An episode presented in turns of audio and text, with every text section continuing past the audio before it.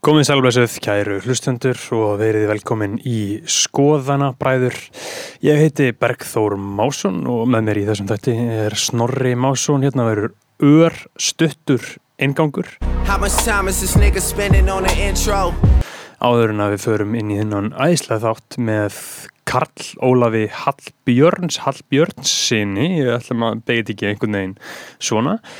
Um, áður en að við förum inn í þennan þátt þá atna, þarf ég að segja ykkur kærlusundi frá áskriftakjarn okkar Patreon, Patreon, Patreon, Patreon, Patreon Patreon.com skástrík skoðanabræðir þú getur farið í 5 dollara áskrift á mánu. Það er okkipis við fjárum okkur þáttin í gegnum það og þú farið í þessa áskrift og færð aðgang að alls konar þáttum Til dæmis uh, getur þú hlusta á seríum Drake, hlusta á seríum Norðurlöndin, seríum mentaskólana og bara almennt um svona hitt og þetta. Endilega tjekki á því patreon.com skástrík skoðanabör, þrjár áskiptalegir, 5 dólarar, það er ókipist, það er 700 kallar mánuði, það er ekki neitt, 10 dólarar, þá getur þú til dæmis að hlusta henni þátt á mánudegi, við bara svona setjum hann inn um leiðum búin að taka hann upp og vinna, hann kemur svona fyrir þar.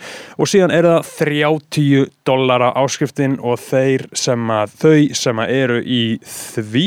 Fá virðingu á nafni sitt hérna í byrjun hvers þáttar og það eru Jóhannes Haugur Jóhannesson sem borgar okkur endur 31 dal og svona sigrar með því alltaf menn minnst sérstaklega á hann. Síðan er það Andrjas Benedikt Bjarnason Björgvin Helgi Björgvin Ívar Baldursson Brynjar Guðmundsson Erik Ólaf Eriksson Geoffrey Huntington Williams, Haldur Clemens Hjartar, Hjörtur Páll Hjartar, King Bræður, Halfdán Sveinsson, tónlistamæðurinn Dirb, Jól Dónutin, Júl eða Jól, ég veit ekki alveg, Sturla Snorrason, Nafnlaus Kvenmaður, Sveitn Arason, Tindur Kárasson, X Nonni X, Úlfur Árnason og Ari Helgason. Síðan er það hann Stefán Daði, sá miklu king sem að borgar okkur 50 dali á mánuði og er þar svona borgar aðeins meira og fær þá svona aukna virðingu á nafnin sitt þar. En síðan er það Sindri Kampan sem er styrkjakongur þessar hlaðvarps. Hann greiður okkur 105 dali á mánuði. Uh, Tandri Snær Traustason hefur alltaf verið styrkjakongurinn og hann hefur verið í 100 uh, dala á mánuði áskrift uh, en Sindri Kampan er búin að taka fram úr hann núna, komin upp í 105 dali. Þannig eins og stendur þá er Sindri Kampan styrkjakongur þessa hlaðvarps uh, og fær ultimate virðingu á nafni sitt hér í byrjun hvers þáttar Sindri Kampan. Takk kærlega fyrir að stiðja okkur áfram í þessu. Kæri hlusandi, ég mæli með að þú tjekkir hann á patreon.com og tjekkir á þessu. Ég meina við erum að framlega uh, 8 þætti á mánuði og þú veist, þetta er náttúrulega svolítið vinna og jú, jú, bla bla bla vorkin okkur hérna ynga og þanga, en ég meina tjekkja á þessu. Sjá hvort þetta er ekki eitthvað sem þið viljið gerast áskrifendur að og njótið þáttarins með Kalla Óla episku þáttur í vændum. Fyrir hver að bakinn um að sé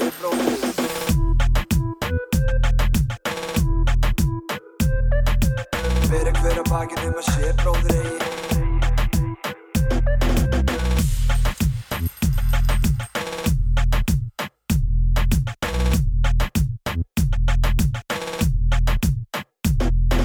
Sko, ég byrja að taka Jesus upp þannig did not die for this.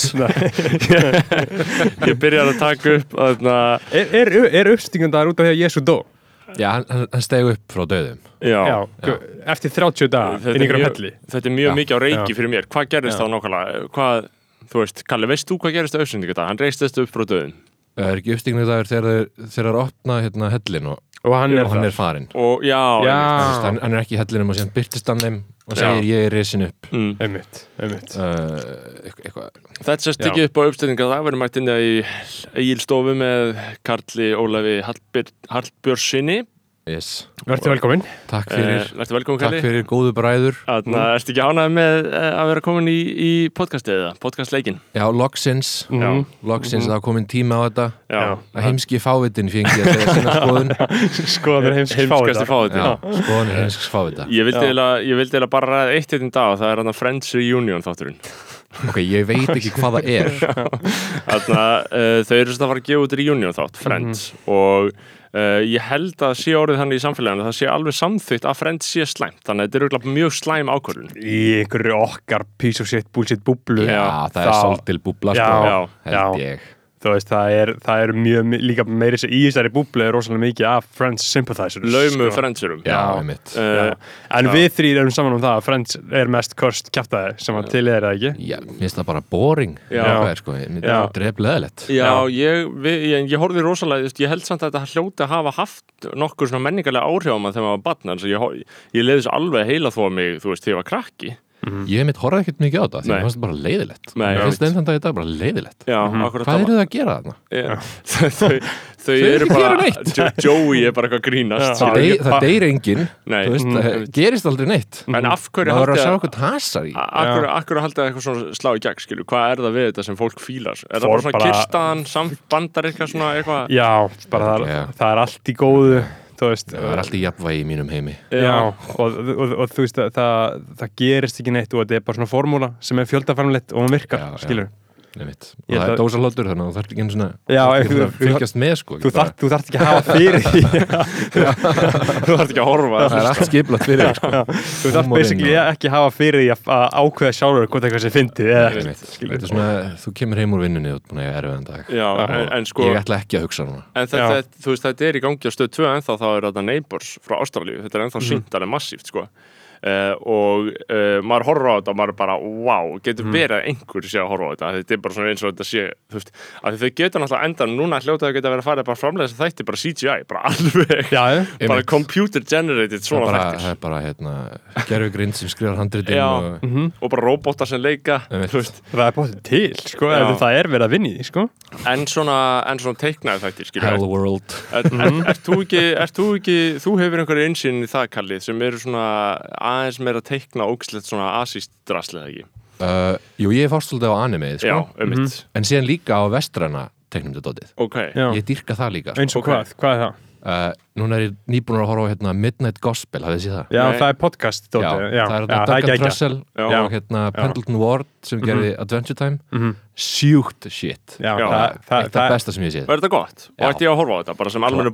Já. Já, Klálega. þetta, þetta er gott sko, þetta er svona þetta er eitthvað, hvað gerist þetta? Þetta er í game, geiminum eða eitthvað, en þú veist, þetta er bara eitt stórt podcast Sko, þetta er í rauninni bara, þú veist þú veist, elaborate, hvað er fjandarinn í gangi þarna? Þessi gæði Duncan Trussell er með podcast sem heitir eitthvað Duncan Trussell's Family Hour Já. eða eitthvað. Hann bara fær eitthvað svona spiritual lið til að koma og kjafta við sig um mm veit, dóp og, og bútisma og eitthvað Hljómar ítla? Já, já, Það er mjög Og- gott sko Podcastið er smá leðilegt mér Það er svona Já. of langdrið eitthvað en já, já, þetta er líka svona mikla podcast umræður, Já, eitthvað svona. Neanderthals og Homo sapiens Já, já. og eitthvað Já, hver er alveg náttúra mannsins? Hvað Já, er já. náttúrulegast fyrir mannin að gera? já, með svona, podcast sko. Já, Einmitt. en síðan tekur hann oft svona góða rispur sem er að tala um, þú veist, hugleðslu eða Mhm. bútisma eða eitthvað og þá eru þau búin að taka þann bút og gera sjónastátt í kringum það í rauninni Mhm. sko.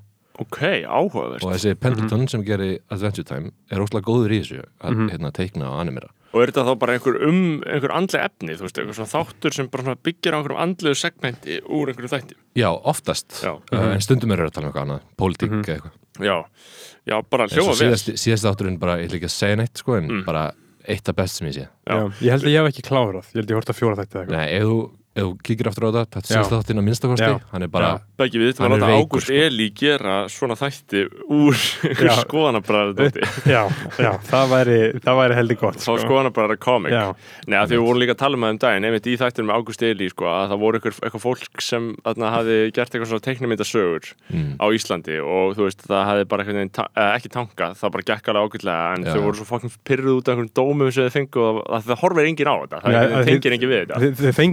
pyrruð af það, það þetta, það Nei, er þetta. þau voru pyrruð út af því. Það bara sagði enginn neitt, Að það, var bara cricket það, það er þetta sama.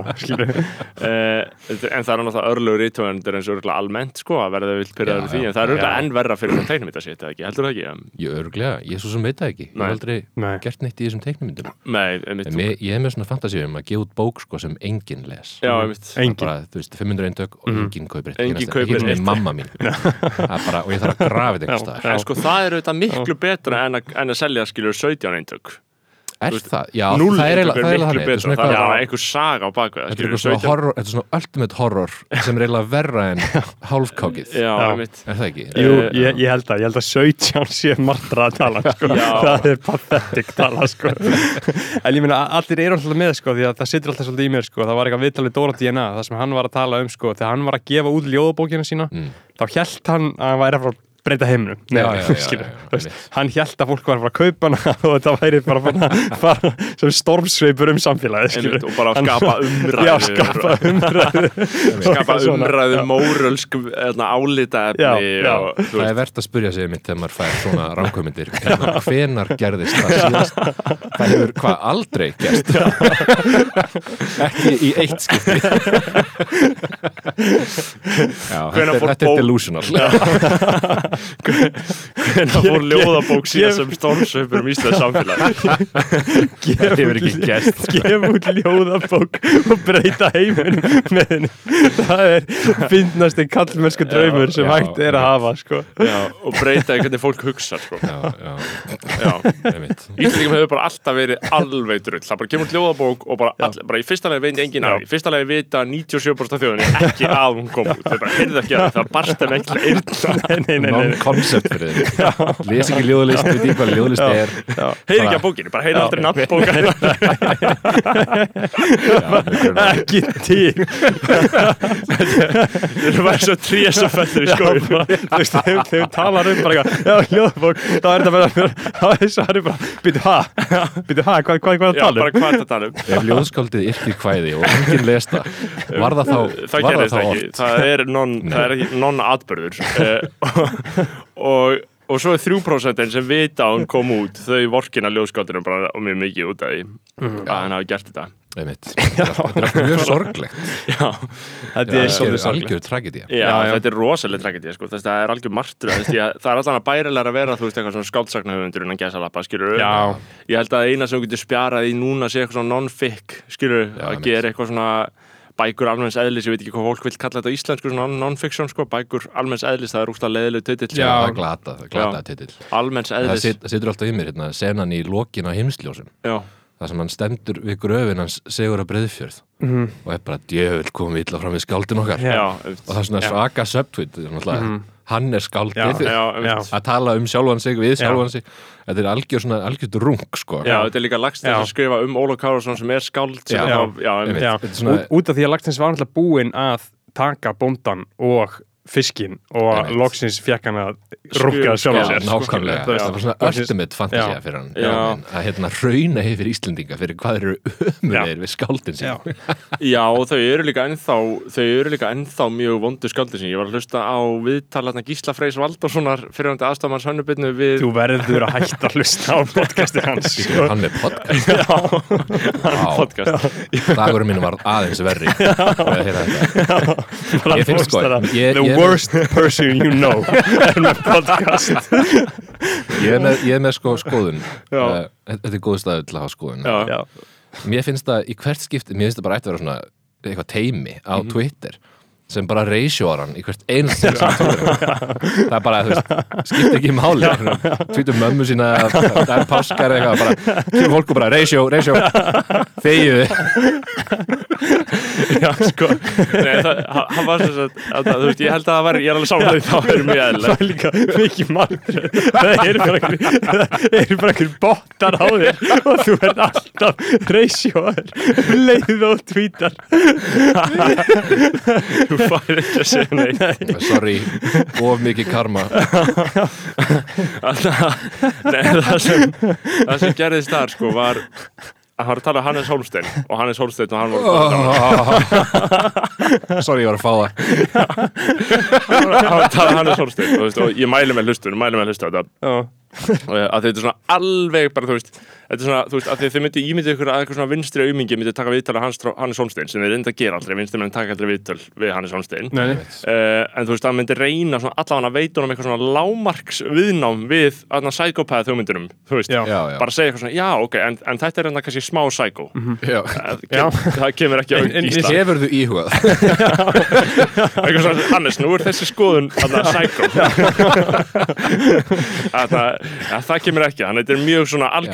óheft sko, sem maður, gegn. uh, og þarna, þeir eru að tala um Hannes var alltaf að tala um sko að þegar Þors, Þór, Þórbergur Þórðarsson og Hannes Halldór Lagsnes voru lifandi mm. út inn í Reykjavík að, það- að þegar þeir eru alltaf að tala um svona framkvæmda mennina að Hannes, nei, Halldór og Þórbergur hafi verið á kaffihúsunum að væla um eitt og að Þeir, hef, að- þeir hefðu verið með podcast. Já, þeir eru um podcast. 100% Að- og, og Gísli sagði líka með, þú veist, er ekki, hann- er ekki Halldórar og, og Þórberga dagsins í dag bara ennþá inni á, inn á opinberum stofnunum eitthvað að væla eitthvað, þú veist? En, þarna, og hann var að segja þarna uh, en, en al, alveg framkvæmdamenninni þeir fóru og byggðu vassveitu byggðu, þú veist, gerðu hlutina sko. Mm. Já, já, já, já. Og, og þeir voru svolítið á því einmitt að sk- skáldin væru bara þú veist, bara algjörlega gagslösu auðmingjar, sko Aha, aha. Eh, sem, sem þau vissulega sem þau eru sko og þú veist bara mm, en það er náttúrulega bara engin menning fyrir einhvern veginn núna að það sé einhver skáld sem er einhver pæring skilur sem Nei. er umdilt eitthvað þú veist.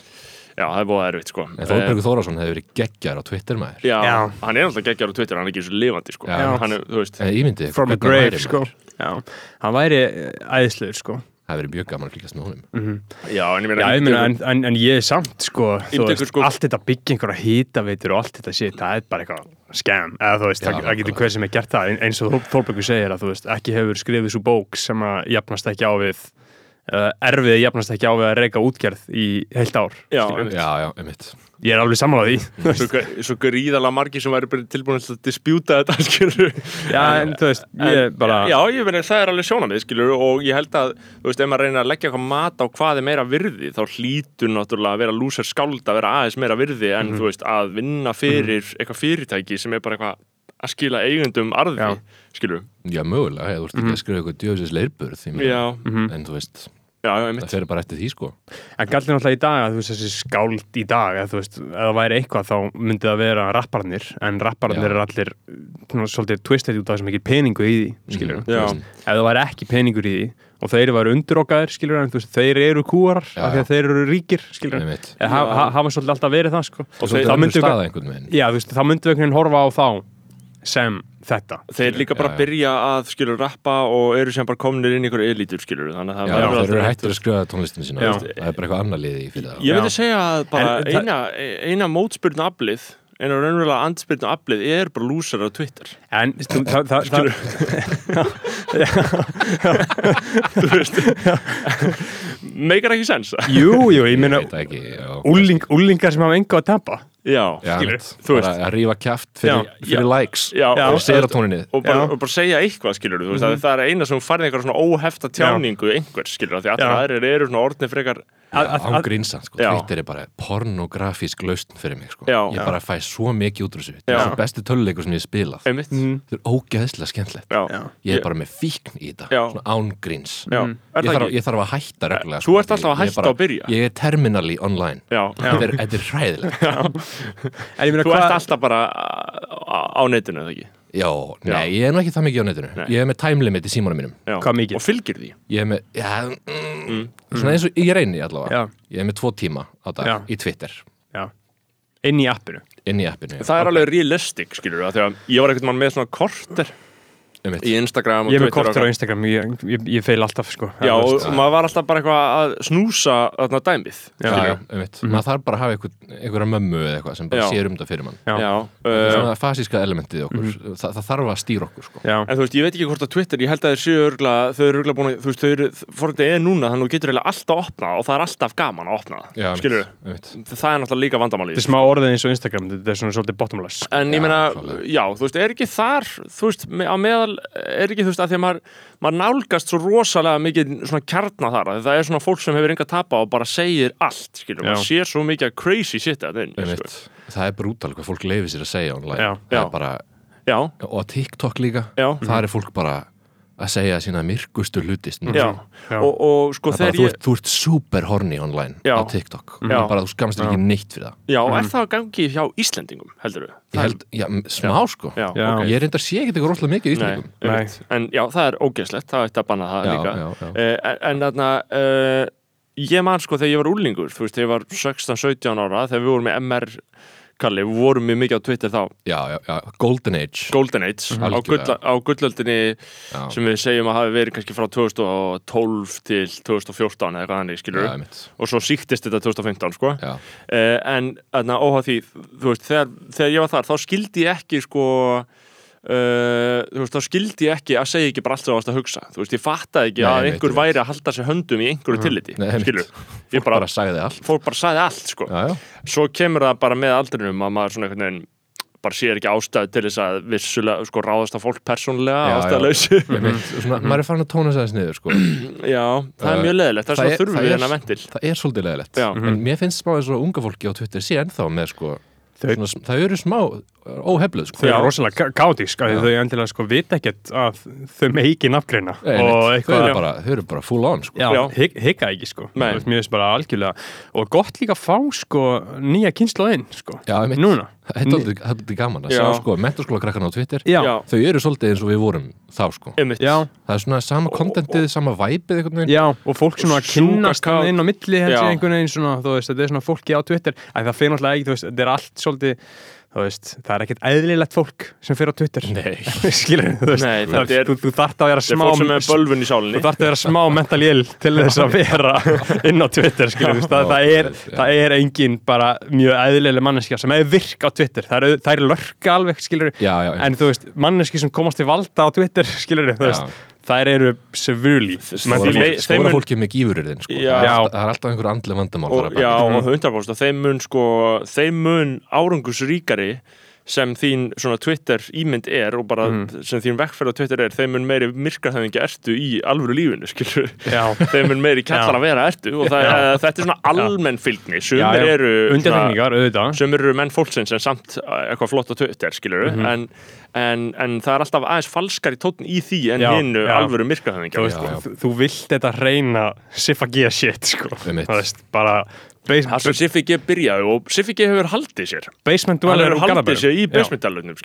Já. Já. við Ég- fikk ég eigum tiltölulega svona sambarlega hérna, internet fortíð já, Já. við höfum oft talað um það, þú veist. Já. maður hangir á 4chan þegar maður er 13-14 ára og maður skattast fyrir lífstíð. Þetta dæmi sko. Þú veist, maður bara veit ekki betur. Já, maður veit ekki betur. Nei, nei, nei, nei. og maður er bara orðin terminal í online bara með heila orma þetta er hræðilegt sko. Bara virkilega þú veist, aðna, þú veist tækið hefur áhrif á líffræðina Já. bara neikvæð Já. geislavirk áhrif á líffræðina það er bara maggots búin að setjast á líffærin ángríns, ángríns. Einmitt. en síðan er þetta svona, þegar maður er komið marga followers og fólk er svona að fara að fylgjast með því sem maður segir Mhm. það fyrir mér alltaf að líða eins og maður sé að performa eitthvað Já, og þá svona fæ ég ógeð akkurat þá kúplaði mig út sko. Já, sko, það þetta, meikar þetta, er, þetta er svona endla, endalus.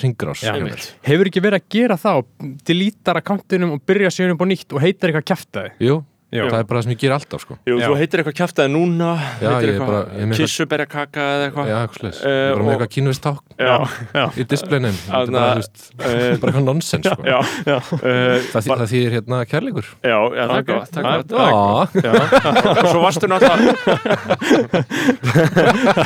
Kærleikur í þessu. Svo varstu náttúrulega sko munnmög á sín tíma Já, í já, MR, það var sko. klassískt. það var klassist og það, Klassískt. það lifið heldur lengi og þú veist, það liggur við bara þekktur sem það sko, já, já, í personu Ræðilegt uh, Þú bara, nei, algjört tepo moment fucking hell maður Já, algjört, algjört þannig, sko, uh, en áhugavert sem þú varst að segja með Siffa G, þú veist, að því ég vil alltaf tala bara sem mest um Siffa G, Já. bara þó hann sé ekki hérna, bara, þú veist, hva- Getur þú hraunað eins yfir hann? Já, ég er alveg til að hraunni verðin. Er, er hann einhvern veginn með eitthvað svona weak spots á Twitter? Er hann einhvern veginn ekki að standa sig? Nei. Það eiginlega alltaf kom þrú. Já, nefnitt, ég held Já. það líka Ég held að það sé rosalega mikið visionary stream of consciousness Já. hjá honum sko. Veist. Það er líka eina leiðin til að spila hann leik sko. Já, Maður er bara að dæla út öllu deranged Já. Bara um leið og Og- kemur, alveg unfiltert Og- Já, og ein, eina leiðin til að gaggrina nazistana, skilur við, til þess að tröfla og pyrra þá, það er að gera grína. Út af því að hægri menn á Íslandi bókstala eru ófinnustu gerpi sem til eru í heiminum. Þau eru ekki með húmor, þau, þau fatt ekki neitt. Þetta er annað, þú veist, Tories í Breitlandi, þeir eru rosalega saman. Og margir republikanar sem eru rosalega en- Carlson Já. finnasti gaur Og- á og- jörðinni, Já, sko. og, og, og Trump og svona fylgi, Já. fylgifiskar hans sko. það er rosalega húmor í þessu en íslenskir hægramenn eru bara sko, gjörsamlega er tilfinningarlega rótnir já, það er það best sem eiga og Já. hann er ekki fyndin veist, hann er, hann er alveg fyndin en þú veist, hann er, ég skilði mjög vel að segja skil, ekki skilur hvað Já. meina, hann, hann er fyndin fyrir alla sem að, uh, skilur, Já. þú veist Já, já. Hann, hann er hann er ekki frænda fyndin hann er Já. bara fyndin upp að levelinu frændi já, þú en, en, en þannig að það sem Siffi gerir svo vel er einmitt að gera grín af natsíunum, út af því að þeir Einmitt. bara með því að reysjóa og bara Já, hérna, já. benda og hlæja það er ekkert mikið meira. Já, þeir einmitt. eru náttúrulega búnir að veist, gera niður þessu bara Já. húka í að það er bara að benda og hlæja Það er sko. já, þegar hann sagði eitthvað aldrei gleyma því íhald sem er heilavírus er hverju eiga er að svara þú ert bara með heilaormi hvað hva hefur að gera í því? Hefur eitthvað að ræða það? Og, líka sko það mér þykir fyrir þú sett með heilaormi Siffi Siffi mér þykir rosalega leitt.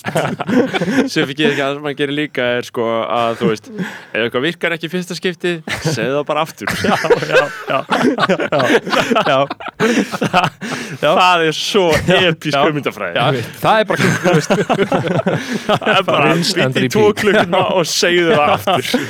Hvað er aftur hérna. Er það hann sem er með rasshára permanent? Já, Þú veit, það er bara rasshára permanent. Rasshára Já, permanent það hann hefur sagt, hann hefur eitthvað týst í svona, þú veist, ef þú mm. searcha á Twitter, það komur örugglega 350 niðurstöður. tweetar hann ekki líka svona 17 sunnum á dag? Jú, hann tweetar ógeðslega miklu, byrjum að sjá hvað hérna, það er ekki mikið það er kannski ekki mikið hérna, Ég held að ég sé búin að vera í svona 30 dag eða eitthvað Já. sem ég byrjaði núna síðast Maður. Þetta- Ég er terminali online Já. Þetta er ræðilegt það er alveg, sko, alveg svakalega marga niðurstöður. Ég er að leita hennar rassára permanenti, veist, og bara, og, og það er alls konar aðrir sem hafa týstu þessu líka. Og bara, það er fullt af týstum minna um rassára permanenti. er, er upplýðum að tweetið ekki bara jæja, þá er maður komin fyrir að sára permanent Jú, ég held það. Eh, og, og þetta var alveg 2018 sem hann týsti í fyrst, sko. Bara, já, já, þá má maður koma með rassára permanenti. Það Já. þurfti bara að setja upp svona botta sem tweetar svo einu sinni fyrir hann. En svo er hann líka búin að djóka með rafmyndina, sko. já, já, já, já. Já. Já, en, en það er alveg magna hvað íslenski natsíjar eru gjörsamlega húmorslausir. Það er er ég, er- ég er alltaf bara að leita fixinu mínu, skilju, ég vil bara hægri content, skilju, þess vegna hlustaði ég á þjóðmálunans Gísla Já. Freys Valdarssona, ég vil bara hægri content og þú veist þess vegna bara ef einhver væri hægri nazi og bara tækti það alla leið og væri bara með veistlu hlaðvarp, þá myndi ég hlusta Já. hvern einasta þátt, Já. bara allt, Já. þú veist, ég vil bara hægri content. Af hverju er þetta að leita hægri content? bara að því að, bara, þú veist, I just wanna feel something Já, þú veist, þetta er bara það, skilju, ég er bara ég, ég, Just ég, feel something. þú veist, ég get ekki bara verið að hlusta á eh, einhverja, eitthvað frjáls, einhverja lippa, skilju, einhverja Nei, íslenska lippa. Oi bara, þú veist, ég bara. get það, Nei, ekki, nei, skilju nei, nei. Þeir eru á margan hátt verri sko. Þeir eru verri. sko. Skjóttu mig sko. Já, ég væri miklu frekar til í að þú veist bara að, að eiga vini sem að væri miðfloknum en í viðreist Ég myndi, ef Sigmundur Davíð verður með podcast algjörlega umhugsanlaust myndi ég hlusta á alla þættina alltaf. Og ef hann, akkur er hann ekki bara sjálfur með podcast að tala um fólk Það er góð spurning, Já. Sigmundur. Hérna er hugmynd á silfur fati fyrir Já, mig. Sigmundur er örgulega að hlusta. Sigmundur, Ég ég, meina- veit ást að hlusta. Á skoðanir Kalla Óla. Sigmundur íta þær. Holy shit. Þannig að, um, nei, sko, Sigmundur er náttúrulega fyrir mörgum, sko, um, svona eldri kallmönnum og hvað þannig seti, svona einhverju mentuðum kallmönnum, þá er Sigmundur, hann- þeir fá svona ofnæmisviðbröð og segja bara, ég get ekki, þú veist, ef Sigmundur kemur í kastljós, þá get ég ekki hlustað, segja þeir. Við get, geta bara ekki Sigmund Davíð, sérstaklega örgulega eftir, þú veist, þessu kostningabarata 2013 sem var bara algjört kaos, sko. Já, En þú veist, ég er með svipu sentiment, þú veist, bara, já, gagvart ákveðnum íslensku stjórnmálum Já, núna, núna, núna, skilja, ég get- Áslega Arna, Ég meika varla að hlusta á það, sko. Nei, Áslöðarna, Nei, já er Bjarni, Bjarni Ben, ég get heldur ekki að horta á hann sko mér er Já. stanskellur, sko. Já. Ás, ég- Áslögu er uh, fjölmiðlas eða svona, stjórnmála fjölmiðla sférið er svo mettað af henni. Já, af því að hún er á svo mörgum vígvöllum. Já, hún er, þú veist, Instagram málar á þeirra Já. basically, sko. Einmitt. já. Þannig að, já, þetta, þetta er Og- hún, hún er samt líka svona eiginlega fyrsta fyrsta stjórnmálakonan, eh, þú veist, bara til þess að gera þetta. Já, já. full nýta að samfélagsmiðl Já, Og og- a- og- allir, allir vilja vera svo hún Já, sko. og bliðnalaust og við, við, við vitum líka að þú veist, maður algjörlega kemst ekki gegnum daginn án þess að fá hann í andlitið. Nei, veist, Það er bara óhjákvæmilegt. Já, það er Já. óhjákvæmilegt að fá hann í andlitið. Þetta er pathetic hugsun en þetta er satt. Þetta, er- þetta Ég var að hugsa þetta bara, þú veist, þú sér hann á hverjum degi. Hverjum einasta degi sem var að hún er bara ógeðslega góð í þessu. Að tróða þessu inn í allt þetta myndband þannig að Eddu Falag og þeim. Já, akkurat. Það er hún bara. Það er hún bara. Bara hún og bróðurinnar Já. frábært. Já. það er bara, þú veist, Mjög stert hjá henni. mjög stert hjá henni Já, sko. en- bara djöfusis PR sko, ég myndi að hún sé fengin í þetta. Ég myndi að hvað hún þarf að vera í raun og veru Já. Þú veist, Katrín hefði ekki verið fengin í þetta Fengin í þetta, Jakobsdóttir Nei, líklega einmitt. Jú, mögulega. Kannski. Já, Jú, en, kannski. en sko, hún var auðvitað beðin um þetta þegar ég hugsa út í það, hún var beðin um þetta en Já, já. þarna, þetta var gert með mjög lítur út að hafa verið gert með mjög stuttum fyrir já, já, Þetta var, gert þetta mjög- var gert á nokkrum dögum og það er búin að delita þessu. Já, það er Það? Búin að díla þessu. þessu að það var eitthvað tæft við einhvern einstakling sem ég veit ekki hver var í þessu myndbandi Nei. voru það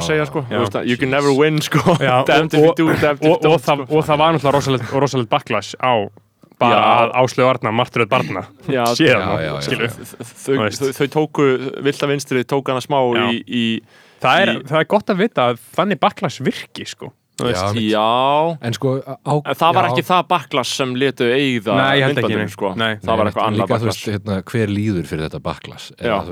eru það edda á þær sem Já. eru bara að gera þetta um Einmitt. eða það er það skilið. Já, akkurat maður spyr ekki maður endilega, sko, veist, þetta var bara klúður skilið Já, já, já, og, og sko, ég, mér er drullu saman þetta myndband, sko, en, en þarna, uh, aðalmálið er að, að það er fyndið að vita af því að, veist, þetta er líka eitthvað sem er ásist á Twitter og, veist, nánast bara á Twitter, Mm. að það fari fram einhver svona alvöru vinstri, svona flóttamanna no borders umræða, Já. skilur við. Þetta er, þetta er ein, ein, hvergi Smá- í fjölmiðlum eiginlega, sko. smá á Instagram en það er bara svo fucking chaotic eins og ég er að skoða Það er engin story ég er að skoða story hjá hana Semu Erlu og hana. Söru Mansúr uh, þær eru svolítið mikið í þessu og þeirra er bara fjóra mínúnda langt og bara screenshot og tökk og Já. veit ekkert hvar kemur hvaðan Já. allt í hennu tal, ég er ekki með hljóð nenni ekki að hlusta, skilur eru Þetta er- bara þetta er svo- klassíska- rosalega kátíst Já. þetta þetta er klassiska mýmið þarna hérna, hægri mím eru alltaf rosalega einföld. Síðan eru vinstri mím bara wall of text. Já, já, það er bara, þú ert að lesa hérna þrjá blaðsíður af þeóri það er bara fuck that shit. og það er bara Deleuze og já. Herðu, hérna ertu búin að lesa þúsund fleka. Eitthvað, fuck, skjóttu mig. Það er alltaf wall of text. Wall of text. Bara óaðgengilegast að bara wonder why að enginn er á þessu wave hitt er bara eitthvað. Trump bara eitthvað, Já. eða bara pepið er ferðu heim til mömmuðin er they're, good guys, they're good guys. They're very good guys, I love them. Þú veist Það er og vinstri er bara, hérna ertu búin að lesa Hegel skilur þetta ekki, ertu búin að lesa. Marx og Hegel? Við erum svona textar sem er bara klínt ofan á hvort annar margir. Takkað í Þetta er stóri eitthvað, þetta bara verður eitthvað svona legendary upplýsinga Já. áreiða sko. Og þú veist ekkert hver skrifaði hvað lengur og ég, nei, og þú veist það sem ég hugsa í þessu er að líka í sambandi með miðlunina. Mm. þú veist þetta er svo vond fucking miðlun þessar myndir. Mhm. það hafa ekki bara textan, copy-pastanlegan einhvern veginn, þetta er bara svo vond miðlun. Já. ég skil bara ekki hvernig fólk nennir að pikka þetta allt inn í síman sínum og hvað hann sett, skilur Mhm. þú getur ekki bara deilt bara textanum, skilur, ég hata þetta en, en, en, en já, það er svona, það er svona, ó- finnst mér að þetta mætti, mætti bara posta texta, en- en- stórum texta. En, en þú ert að tala um sko OC-miðlun og original content bara frá fólkinu eða ekki? Þú veist, mér, Eh. mér finnst það góð miðlun eins og til dæmis bara eitthvað, þú veist, ég veit það ekki nýlegast bara eitthvað Bella Hadid að tala um Palestínu það sem hún skrifa bara textan bara svartu bakgrunn, hvíti stafir Já, fjóra setningar, Já. ekki neitt meira Nei. nei, nei, mitt, mitt og fólk bara setur það í stóri sitt eins og það vill Já.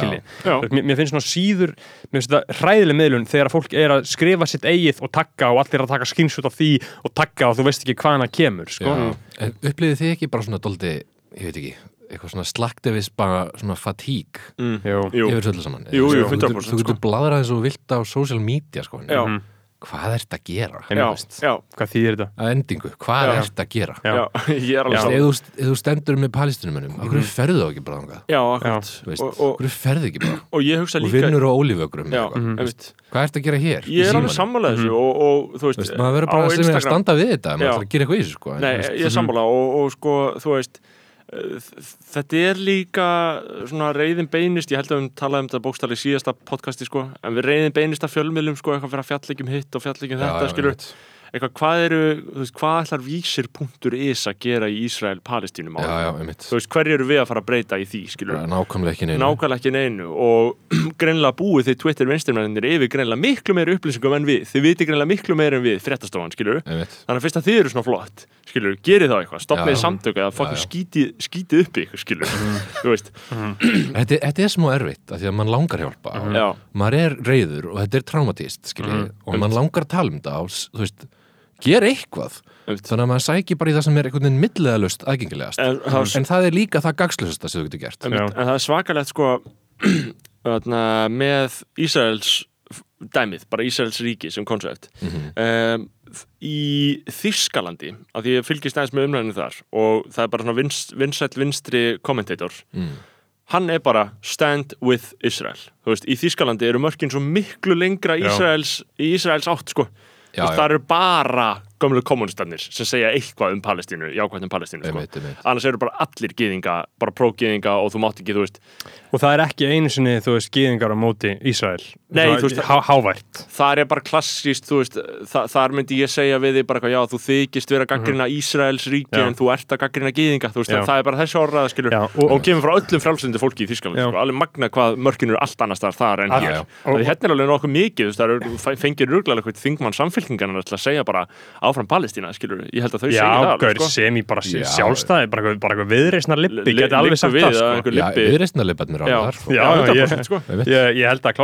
þau segja Já, það gaur, alveg, sem í bara Já. sjálfstæði, bara, eitthvað- bara eitthvað viðreisnar lippi, Li- geti alveg liggur sagt við það, að einhver Já, lippi- viðreistnarleiparnir á Já. þar. Já, Já, ég, 100%. Einmitt. ég, ég held að klálega að því þau fatt ekki að þeirri, hæ, þeirra hægri Nei.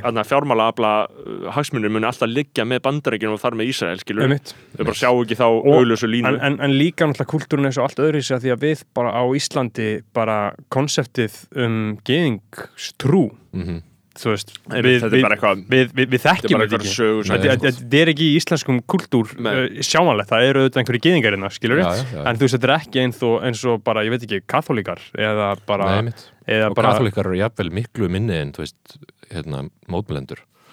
Tiny, tiny samfélag já, hérna, samt er það sko finnum maður svolítið meiri hérna, Já. cultural consciousness um það Já, Já. bara út á kirkjunni og þú veist, Já. og kom, komst í tísku á kreppahárunum og vera katholíki eitthvað Mhm, mhm. hvernig ætli kirkjudæmið verði hérna á Íslandi eftir 40 ára ætli það verði orðið bara eitthvað svona enn skrýtnara en ennþá geða svona fyrirferða mikið eða ætli það verði bara búið að skilur er, róast alveg er þetta fyrirferða mikið? Nei, ég meina fyrirferða mikið fjár, svo kannski svona efnahagslega og þú veist, þetta, þetta er algjör stopnun, skilur, það er ekki að neita því að kirkjan sé stopnun, skilur, Nei, nei, hún er stofnun hún er stopnun, Já, og ég held að mun ekkert breytast. Nei, Ég held sér ekkert frá að breytast sko. Nei, þetta sé ekki að fara að minka alveg áfram og áfram eða, eða kannski bara ná að halda svona sirka striki með þessu kjaftaði sem er í gangi núna. Líklega bara frá að halda streiki held ég. Já. Það sé ekkert eitthvað, nema eitthvað hræðilegt kom upp skilji, Já, þú veist sem er alveg mögulegt. Já. Já. Gest marg ofta öðru Anyone can get it, sko. Já, en þú veist, þau hafa samt staðið það af sér og, og meira til sko. Mhm. já, ég, ég veit það ekki. Já, ég, ég held að þetta sé bara svona, þau svona slowly decaya, skilur eins og hafa verið að gera síðastliðin ár, skilur Já, svona hægt og rólega grotna og mólna og Mhm. svona verða úldnar og úldnari með svona hverjum tímun, hverju, Já. hverju árun sem líður, sko En er er þetta alltaf forindlegt samt með þetta sko uh, Þið veitir, hvað, hvaða hlutverk á svona stopnun að gegna Mhm. um, þú veist, það, það er hægt að beita sér innan svona stopnunar á Mhm. mjög effektívan hátt Þið veitir, Já, algjörlega. þú getur verið vinstri katholiki og Já. bara verið, þú veist, svaka harður þar sko. Já. Veit og bara haft pólitíska þýðingu, Einmitt. skilur, já, En, en ef ekkert, ef enginn kemst til valda innan kirkjuna sem hefur neitt svona einhverja ástriðu fyrir að gera eitthvað vel einmitt, og taka einhvern akt, aktívan þátt í, þú veist, ég veit ekki, lofslagsmálum eða, já, eða whatever, veist, það er andleg þörf á Íslandi, sko, já, Já, já. já, fólk þarf eitthvað til að grípi já, ég myndi klálega að segja það, sko en já, kirkjan er ekki einhvern veginn að svara því steppa kallið, sko. inn í þetta, sko. Nei. akkurat, það er ekki eins og Íslandingar séu eitthvað minna andlegir núna en þið voru, skilur, það er Nei, allir bara nei, nei, að tróði í sig einhver kakó og ruggli og hlusta Jordan Peterson, algjörlega, skilur algjörlega. Það er Eh, bara aðra leiðir, Já, uh, og, og líka sko meira svo Jordan Peterson að því að allir naziðarnir hlusta á hann Mm. hann er alltaf að tala um Guð, hann er alltaf að tala um Jésu og Einmitt, bara, einmitt. það er allt geðt kristið sko. Hann er bara að tólka biblíun Já, hann er bara að túlka Já. biblíuna sko, þú veist. Þannig að það er ekki eins og það sé outdated heldur er þetta bara spurning um þetta er bara Eh, packaging, já, þetta er bara allt spurning um packaging sko. Þetta er hvernig þú segir það, ekki hvað þú segir og, og sko, nánast svona 95% já, Já. Og, og þess vegna er mjög áhugavert að sjá einmitt, eða, þú veist, að hugsa til þess sko að, þú veist, að því að núna virðist kirkjan blasa þannig við manni allavega þú veist, að því að, þú veist, ok ég hef ekki vissulega haft eitthvað rosalega fyrir því að kynna mér það, en þú veist, það ætti að vera bara búið að koma til mín eða væri eitthvað gott að gerast þarna, skilur Einmitt. held ég, allan, þá eru þau ekki að þeim er allan ekki að takast að miðla því til mín. alls ekki, alls af því ekki. þú veist, ég vil ekki fullir að það sé ekkert gott að gerast þarna. Það er ekki en ég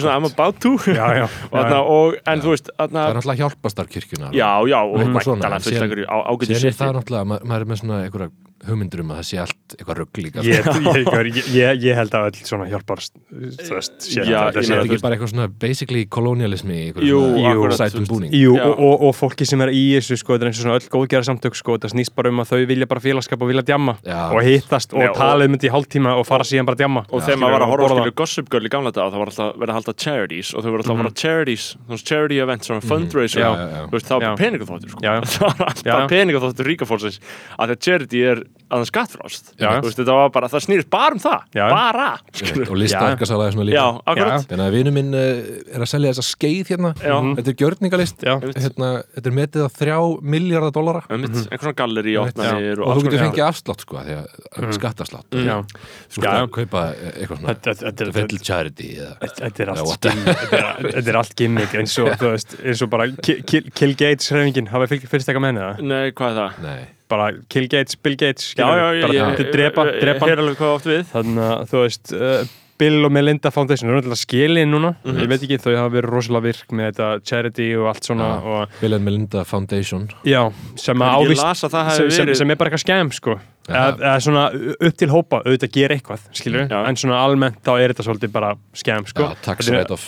Já, las- þú veist, þetta er eins og, eins og Bill Gates vill ekki aflétta uh, höfunda engaréttinum á COVID uh, einmitt, bólöfninu og, og eitthvað svona, bara eitthvað svona super nazi shit, þú veist Ég las sko að þau hefði hætt að þau hefði komið svolítið babbi bátinn þegar einhver komst upp með tengslinans við Epstein og allt það sitt Já, Já. ég mitt, ég sá einhver vinnur hennar var að tala um Já, þetta. að, að, sem sagt, hún, að þá hefði hún farið til skilnaðalögfræðings fyrst sko. Ok, En ég sko, þau veitir, Jeff Bezos var líka skilja konuna sína. Já, eru þau ekki bara er þetta ekki bara, hérna, þú þú ert gift ríkasta manni í heimi Mhm. og núna er hlutabrjámarkaðurinn bara í söguleg bara eins hátt og hann getur farið já, basically, þú ert í einhverju svona fáranleiri búblu. Mhm. og þú átt bara möguleikan á því að eignast rosalega mikið, já, bara out já, já bara basically. Já, þetta er, þú veist, fyrir löngu orðið bara business relationship já, Já, já. Þau, þau eru eðlur sko, þau eru ekki, þau eru ekki kærleikur á þau eru með kallt sko. blóð sko. Já. veit, þú, elskar ekki magaðin sko. Nei, Þú elskar ekki sjálfa eða þetta er, bara, aðra þetta, mannesku er, þetta sko. er bara eitthvað svona pér dæmi Mhm.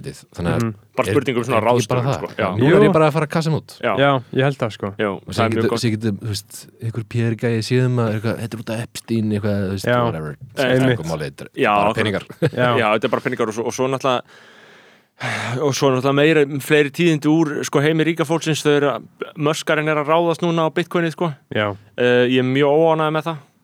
Cunt. Eru þið hérna bitcoin menn uh, Já. á smá bitcoin. Mm. uh, og ég er, þetta er, þetta er mjög stórt tank sem er í gangi núna. Já þetta er að tanka vel sko þetta er farið langt, langt niður sko og eh. þú veist, en þetta er bara eins og þetta er þetta bara gerist. Ég, ég þú átt, bit- átt þú bitcoin eða? Nei, ég hætti mér ekki í þessar. Mér finnst það að vera of hérna spekulatíft Já, þetta er náttúrulega viðbjöður ég, sko. ég á og hugsa ekki um þetta. Eða, þú veist, ég, ég trú ekki á þetta, ég hugsa ekki um þetta ég bara tek sensin á þetta, setti einhvern veginn mikið pening Já, og, já. og hugsa ekki með Já, Mér finnst ekki mikið fylgis, ég er bara smá til þess að, að að því að þú veist, það veldur ég að ég hafa áhuga á þessu, þess vegna fylgist ég með þessu skilu, mm. því að við finnst þetta að vera eitthvað sem er að virkilega breytast skilu. það, já, það, það, það er ekki að skilja þetta Nei. það skilur Nei, þetta enginn Mér finnst það svo óþrjáflegt Já. Ég myndi aldrei setja spartnaði minni í þetta sko. Það er bara, þú veist, Það- það- það- skuldabrifið eitthvað í staðinn sko. Já, það skilur þetta enginn Nei, en sko, já, möskarinn er að ráðast á þetta núna um, en það sem ég var að fara að segja með kirkjuna var að eins og þetta blasir við mér núna, íslenska þjóðkirkjana því að þú varst að segja að þetta gæti tekið að sér eitthvað andlegt hlutar sem væri mjög áhugavert Alltaf myndi gerast. sko. Já, en það mun ekki gerast, það er alveg ljóst. Að núna virðist að vera, vera þannig að þetta er svona einhver leiti fólk sem er bara, þú veist, einhverju sjálftöku skilur, þau eru bara eitthvað hvað, hvað þarf það að gera þegar þú vinnur þarna, skilur þarf það að gera eitthvað það Nei. þú veist,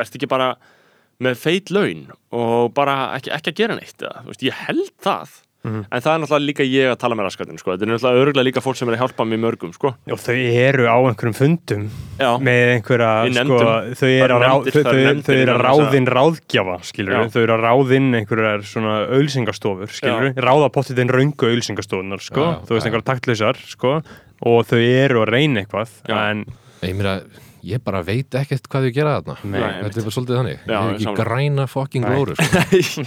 Ég, ég hef ekki hugmynd sko ég get bara ekkert sagt neitt um Nei. það Kannski eru það að vinna frábært starf og Ég Já. bara hef ekki hugmynd hvað voru á ræða? Hvað, uh, voru ekki Twitter? sko, við, við vorum aðan komin svolítið í hérna, Jordan Peterson, Kalli, þú fórst á Jordan Peterson á Íslandi og skrifaðir Já, eins og frækt er Já. grein Eins og frækt er Já. fór ég á þann blessa fucking fyrirlestur Þú, þú fórst á fyrirlesturinn þegar Jordan Peterson kom inn árið 2018 Já. uh, og bara hélt, var það bara eitt fyrirlestur sem hann það? Hann hélt tvo, ég fór Já. á setni Ok, Já, og bara, þú veist, Se- var þetta bara svona, segja okkur frá þessu, var, var hann bara tala? Já, bara, kæft eitthvað sko Já. Mér finnst- þetta bara fyrst og fremst svolítið leðilegt Já, Ég, þetta, ég hef búin að gaggrina eitthvað svaka mikið og bjóst við þetta, er svona eitthvað eitthvað til að býta í og, og þú veist, jafn blá sko en já, síðan ettan 40 minnum við að tala um fucking Lion King já, og ég var bara, hvað er ég að gera hérna? Mm Mhm. hver er punkturinn með þessu? og það var svona fór þetta smá að da- dvala hjá mér eða svona, dala, þessi Mhm. áhuga á þessu en uh, ég skrifaði þessa skrifaði útáspistil um þetta í lestina og uh, ég var bara frekar frekar sangjarn, myndi ég segja sko. Mhm. ég var ekki eins, eins leiðilegur og ég hef verið áður já, akkurat uh, og hérna Frosti Lóasson tók því svolítið illa einmitt. Hann, það hann, var mjög skemmtilegt hann, hann var að flytja hann inn hann tók eitthvað rosa Já, viðtal við hann Já, sem að sko Jordan, Peterson setti sjálfur á sitt YouTube sko, Einmitt, einmitt. með texta sko. Nei, tók Frosti viðtal við hann Var ekki, Var ekki Þorbjörn Þórðarsson? Jú, Jú, alveg jú, jú, jú, jú, jú, Toppi, var toppi the, var með það Já. það var the son of Samherji sko. Já. það var Þorbjörn Þórðarsson auðvitað Þarna, það var málið alveg rétt En Frosti fekk hann líka í harm, harm Já, er það málið? já, já. já, auðvitað það Einmitt. var hinn eini sanni maður Já, Hvað- sko, hvað- Og Fro, Frosti, sem sagt, hann tók þessu svolítið næri sér að ég væri, Mhm. að því ég var búin að segja eitthvað ljótt um hann á Facebook. Ég um búinn að- Frosta? Nei, ekki um Frosta, um, um um, JP Jordan sko. já, Ég skrifa einhvern tímann eitthvað, að hann var í auðli og það, Mhm. fólk getur ekki að hlusta á hann. Og flett hann því þá upp? Ég held að hann hafi rifist um mig þegar ég gerði það sko. Já. Það var bara svona fresh in mind hjá honum. Um, Já, það er þessi fucking gaur. Já, ándjók sko. Já. Það er bara, ég byrjaði að tala um þetta og það komum bara svona 50 reyðir kallmennin á síðan og bara, bara hraunuði yfir mig. Hraunuði svo leysi það já, var bara geðveitt gaman. Já, ég hef ekki skemmt mér svona að rífast svona lengi sko, já, akkurat. Það uh, er skemmtilegt. Mhm. Sko, en, en síðan sko, ég veit, fyrir ég skrifaði þessa grein og Frosti er hundfúll og hann, hann heldur sko ég sé blaðamaður en Já. ég er bara pislahöfundur. Mhm. þannig að hann tekur eitthvað svona tæreit í útarpinu um að rúf sé ekki hlutlaust og sé Já. að senda blaðamannin sinn um til þess að hraun yfir Jordan Peterson sko. Mhm. að þetta sé allt, þau veitir, vinstrimanna samsærið á rúf, Já, þau veitir, þessi Já. pakki sko. já, og úr verður þessi skemmtilega fyrirsögn Frosti hraunar yfir Karl Ólaf Mhm. það er til á er interneti til. Frosti hraunar yfir Karl Ólaf Þetta er sem sagt blaðamaðurinn sem Rúf ákveður að senda Já, Já. Eh, ég sendi Frosta Facebook skilabóð og sagði, hefur Frosti minn, ég er nú ekki blaðamaður, Mm. ég er sjálfstætt starfandi pislahundur og hann var eitthvað, að, ok, ok Já. alltaf að hann, já, hann var ekki svo með þá. En, en það voru náttúrulega líka aðrir sem voru ósátti með hennar pistilinu þú, þú, þú varst bara að segja hérna uh, þú varst bara eitthvað, ég er svona að reyna að skima í gegnum pistilin sem þú skrifaður um mm, þarna JP já, og þú varst bara svona eitthvað aðeins að segja að það væri ekkit eitthvað sérstæðlega nákvæmt það sem hann væri að túlka upp úr verkum annara fræðimanna og, já, og alls konar svona. Hann er uh, mitt frægur fyrir að mislesa allt sem tengist uh, quote unquote postmodernisma. Já, einmitt. Hann veit ekkert hvað hann er að tala um sko. Nei, já, ég, ég, mér, hann, hefur, ég, hann hefur eina heimild og hún er bara það versta sem ég hef lesið. En það er nefnilega það sem ég hef stundum svona einmitt á tilfinningur sko, þetta með, að því ég var náttúrulega að væri í háskóla í íslensku og bókmyndafræði, Mhm. ég er ekki sérfræðingur í postmodernisma, en ég veit allan að svona saldi sem í að hann er ekki alveg það sem Jordan Peterson er að segja að hann sé bara eitthvað postmodernismi er þegar þú þarft að segja hán í háskólanum já, mitt. veist, það er alltaf bara þetta þetta, er bara, þetta er bara, þú veist þetta hefur verið svona mjög lengi sko. Uh, postmodernismi segja þeir sko hægri menninir brefi kataði postmodernisma sko, þetta og menningar marxista. þetta er rauðu þráður sko. já, Þú veist, hjá Hitler hétt þetta kultúral bolsjevismus. Það er bara menningar bolsjevismi. Já, akkurat. Þannig að þú veist, þetta er basically sama dag hamra á Marxistarnir eru að reyna að skemma gildin okkar og, og drepa kjarnafylskilduna og, og allt sem er gott í heiminum. Og það er bara, þú veist við ætlum að benda á þessa fræðigrein og við ætlum að kenna henni um allt já, mitt þannig að Og- svona, þú veist, það þarf að afbaka rosalega mikið Já, en, þetta gangi upp. en, en sko þessi gaurar, þú veist, þetta, þetta internet wave sem að var svona kannski fyrir þreymur, fjórum árum Já, stóð- intellectual dark web. Já, Já. akkurat það, curse shit sem var svona, og það er e- e- ekki dáið drottni sinum og heldur það e- sko. e- eðilaði heila kynnslóð ég meina, er þetta ennþá þú veist, eru held að þeir á TikTok eru, eru ungir kallmenn hafa festast í þessu í dag eða hva, hva, hvernig Nei, haldið þið ég þetta hef ekki, þú veist, ég hef ekki þekking á því. Nei, en ég held að það væri bara frekar mikil bjartsýni Að halda eh, þetta sé halda eitthvað þetta að sé eitthvað að minka ég þór ekki að fara með það. Nei, en, að vera með það sko. en sko, þú veist, það sem er náttúrulega einmitt rauðið þráður í þessu er þetta sko að, veist, þetta er grunninn anti-intellektual stefna, veist, þetta er á móti uh, fræðimennsku þetta er á móti, eða svona Já, allan þetta að er- tekur þetta er einhvers konar svona gaggrínin hugsun sko. Þú ert, að, einhvern veginn að skjóta á gaggrínin hugsun. Já, þú ert að hefta hana einhvern veginn. Já, þú veist, ég, já, ég veit ekki alveg hvað þeir eru, hverju þeir eru á móti nákvæmlega, en þú veist, þau hata háskólana, þau segja alltaf að vandamálið, sko, byrja á Mjög- skólanum já, mjög mikið af þessu fólki og bara, bara oft bara, ég held að Frosti Lófarsson hefði sagt það einmitt þegar hann var í viðtali hjá Sóla Tryggva sinni, mm. þá var, þú veist, hvar byrja vandamálið? Og það er alltaf svari bara, vandamálið byrjar í háskólanum, já, einmitt. Þú veist, og bara vandamálið á rætur sínar indoktrineraður í marxisman já, Mhm. það er bara ha, já, það, er svo, gegg, það svo geggju þyrring þegar þú ert sko indo, indoktrinitaður í að vera lippi það, það, það er sem það, það er bara, doctrination. já, það er doctrination það er að vera lippa Já, lumpa, það er bara að verða lippa lufsa það, það er það sem er. Það er bara, já, bara alls aðeins Joe Biden er maður ársins þetta er bara eitthvað hann fucking, já, Trump. We saved democracy democracy Já. dies in darkness, kaupum okkur áskrift á Washington Post, það, það, það, það er I'm doktrin doing my part. Já, build back better, En því, mér finnst líka, ég var, ég var að tala um þetta í gæri, það, það var uh, stelpa að tala um sko að 12 ára sýstirinnar uh, er á TikTok. Mm. og hún hefur miklar ágjur af því að, að því að hún er bara 12 ára sýstirinnar er bara all cops are bastards og, men, og, og men are trash skilur já. það er bara 12 ára skilur Já. og er að læra þetta alltaf TikTok. Mhm. uh, og þetta er ekki neinu íslensku samengi Nei, þetta er ekki sko stöku samengi við raunveruleikan á landinu sem hún býr í þannig að þetta er allt bara pjúra bandarist Mhm. og hún var að segja sko henni þykir þetta miður sko. Já, að þetta eru umulett að hún sé við mattaborða að segja að men are trash skilur, já, sem að þú veist uh, fæ, fær maður svolítið til að hugsa ég, meina, ég held þetta sé bara jákvætt mm. þannig Já. séð að Já. þetta sé svona mainstream uh, einhvers konar efni sem að fólk er að fá Mhm. miða við það sem að við vorum að fá bara utta og sveppa að pissa hvern annan bara eitthvað að putta og sleikja tætnar á já. bara sem við vil að prumpa framann í þetta. Já, já, þetta var bókstæðlega að finna sem við veist, þetta var bara við bara alinu bara heil kynslu af bara apolitical buffoons skilur já, bara sko meira sem nokkra kynsluðir nokkra Einmitt, sagan endaði hérna, þegar- Og- og- þegar Berlínamúrin fjall Já, endaði heimsagan bara er Fukuyamaismi við erum öll bara, erum komin í liberal post, post-utopian society það er ekki Já. til hugmyndir lengur sem eru ólíkar öðru, öðrum hugmyndum Já, bara, já, Þú veist, það er bara punktur Já. með þessu öllu. En, En þó það er smá rétt, sko, eða þú veist, allan að þau áhrif urðu Já, þau urðu allan að áhrif svona í ætt við þá kenningu, uh, að bara, að bara, þetta var bara alveg svona depoliticization, bara massíft, algjör skilur bara og- fullkomið og áróður gegn stjórnmálum sem aktiviteti, Já. skilur líka það, þú veist, bara áróður gegn því, sína sko. Já, þú veist, og, og, og verið að, verið að, verið að, og, og, og, og verið að svona, einmitt, ræja fólk fyrir að taka þátt í pólitík, sko, Já. sem er mjög áhuga. mér finnst þetta að vera svona smá politist uh, tráma eiginlega sko. Já. Eins og fyrir mér Já.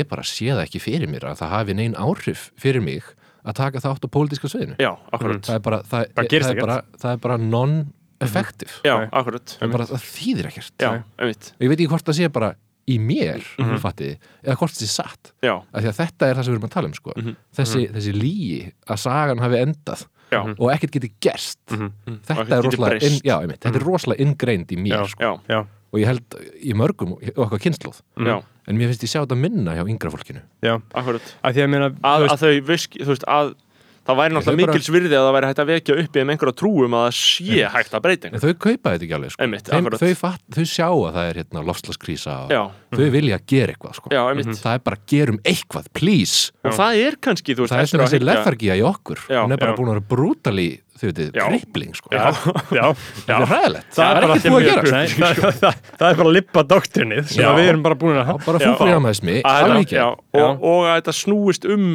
þú veist, að þetta, fyrir okkur veist, við ölum stolti uppi að pólitík snúist um bara eitthvað svona smá tweaks fram og tilbaka, Já. þú veist, bara eitthvað svona örlítill áferðarmunur á stríðandi fylkingum, í staðin fyrir að sé bara hart í hart Já, bara verkalýsbarata eða einmitt, þú veist, það sem er loftslagsbarata núna og, og auðvitað hlýtur hún líka að vera loftslagsbarata, hlýtur hún auðvitað að vera rótæk loftslagsbarata, hlýtur auðvitað að vera á endan fyrir kjörum fólksins skilur Já, já. hún snýst líka um það skilur því það, ríka um fólkið það já, þú veist, að því að í raun og veru ríka fólkið er ekki að fara Já. eigin einu vandræðum með loftslagsbreytingar, það mun aldrei bara hafa fara- eitthvað árið. Þau bara, bara með rísosuna þau bara Já. fara einhvert og bara breyta fyrirtækinu sínu og bara fokka öllu upp fyrir öllum skilur þau munu bara gera það sko. Já. þannig að loftslagsbarata er óhjákamlega alltaf mjög Já, það er svo fokk í fyndi að þau hafa valdið til þess að fokk upp allir fyrir Já, öllum. Bara súper það er bara eina ákvörðun sem bara, já, hérna fjögur þúsund bara í algjöru fokki bara og öll fjölskyldan þeirra, skilur Já. eða bara hérna, ég ætla að stopna gagnaver til þess að mæna bitcoin og ég ætla að eða rosalega miklum penning og orku í það. Bara því að bara það. já, bara kólum, Já, bara bara kol. kól ég ætla bara að kveikja í kólum já, til þess að búa til tölur á skjáinni. Já, engin unnur ásta, það eru mjög margar tölur á skjáinu mínu nú þegar. Já, það þarf ekki fleiri tölur sko. bara, Mér langar í meiri pening. Já, já. Mér langar í meiri bara pening. með langar goes auka, up. auka 2% ávöxtun, skilur Það það- það er svolítið þetta er eitthvað, m- I don't want my children to suffer. Já. I want to have enough money. My kids don't have to work. They don't have to worry about anything. Ég, ég bind smá trú við að það sé hérna, já, einhver aðeins aukin vitund hjá Já. okkur fólkinu sko. akkurat og, veist, og, bara Greta Thunberg hérna og, Já, ég mitt að því að þú veist, maður talar alltaf svolítið svona atna, niðrandi til, þú veist, loftslagspælingarna eða svona loftslags atna, mótmælana, skilur þú veist, svona, atna, það er svona kall eins og ég hef tilneyingu til þess að atna, gera grína þessu. Uh, og, og ég mér ekki tæta því en enga síður, einmitt, er ástæða til þess að draga það fram í sviðsljósi að í þessu felst svona einmitt, þessi tilneying til þess að trúa á breytingar, sko, þú veist, að því við trúum ekki á breytingar, það Nei. er allan að búið að skemma okkar bara, sko það er bara þessi, þessi hugsun þessi hugmyndum að það sé til einhvers konar rótæk leið út. Já, það sé bara hægt að umbylta hlutunum. Já, þetta þurfi ekki að vera svona. Mhm. Já, þetta er bara svona sem, eitthvað sem ég þurfti bara að læra. Já. Að rosalega erfiðan og langan hátt. Já, já, og ég held líka auðvitað að við erum auðvitað öll bara massíf fórnalum allar hugmyndafræði sem við öllust uppi Já. bara, bara hvort sem er bara í öllum miðlum, skólum whatever, Já. skilur þú veist, þannig að við öllumst bara uppi það sem við öllumst uppi og við, það er mjög erfitt að þú veist, þú ætti að vera einhver, atna, einhver genius til þess að geta f- undið ofan að því með einhverjum alveg hætti. Mm en já, ég, ég, ég verði myndi að vera að horfa á einhverja, ég var að horfa á uh, byrjunna í Adam Curtis myndinni atna, frá 2016 mm. Já, uh, þar sem hann var að mynda að tala um New York borg að bara nú 1975 hafi bara verið bara algjört breaking point. Já. The bankers Já. took over. Veist, bara að bankarnir hafi bara tekið yfir stjórnina bara, veist, að, þú veist, það bara hafi bókstala verið þú veist, fyrir þetta hafi verið bara þú veist, bara eitthvað fólk að ströggla bara að gera borg fyrir fólk, eitthvað svona að bara Já, já. mjög mennsk mistök og bara alltaf Já. bara algjört fokk upp í gangi, skilur Þú ert með svona eitthvað breyk þarna á milli hérna, industrial capital já, og síðan finance capital. Já, og það er svona komið annað flæði í auðmögnin sko. Já, einmitt, og, og, og, þetta verður er miklu mjög strömlínlagar og verður svona miklu átaka minna og bara svona óþrefanlegra og miklu Já. og Já. komið svona línur af kredit og allt svona orðið, þú veist. Og bara venlegt fólk er bara eitthvað Fléttur og bara, þú veist bara eitthvað man-made kjafta. Já, 100% alls og, konar konstrukt og það var Já. einmitt sko, vinnum varum einmitt að senda mér í dag sko að það var þarna, það er hlutafjár útbóð hjá Sildavinslinni HF þarna fyrir austan. Ég fekk postum þetta. Já, uh, og þarna, hann- hann sendi mér frétt af MBL um þarna, hlutafjár útbóð og hvernig þetta hefði, hvernig niðurstaðan hefði verið og hvað hefði gerst.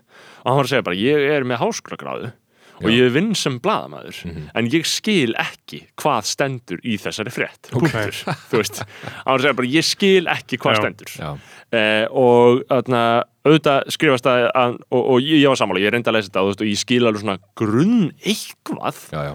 En eitthvað svona raunverulega þegar byrjar, þegar byrja að tala um eitthvað áskriftir og bara þarna, hluti og fjölga hlutum og þú veist venlegt fólk bara, það er einhvern veginn þú veist, pældi hvað er gaman að vera hluti af þessu, skilja þetta dæmi og Já. geta þetta ekki þátt í þessu. Það er mjög skemmtilegt. Þú veist, á meðan bara almúin þjáist Já, já. og skilur ekki það sem þetta gera þannig að hann getur ekkert rífist við um þetta hann bara sk- veit ekki hvað þetta er. Mhm. þetta Það er bara meikar ekki sens. Svona Já. er þetta bara. Já, þetta er bara, þú veist, þetta er bara einhver peningar hlutabrif eitthvað, sko.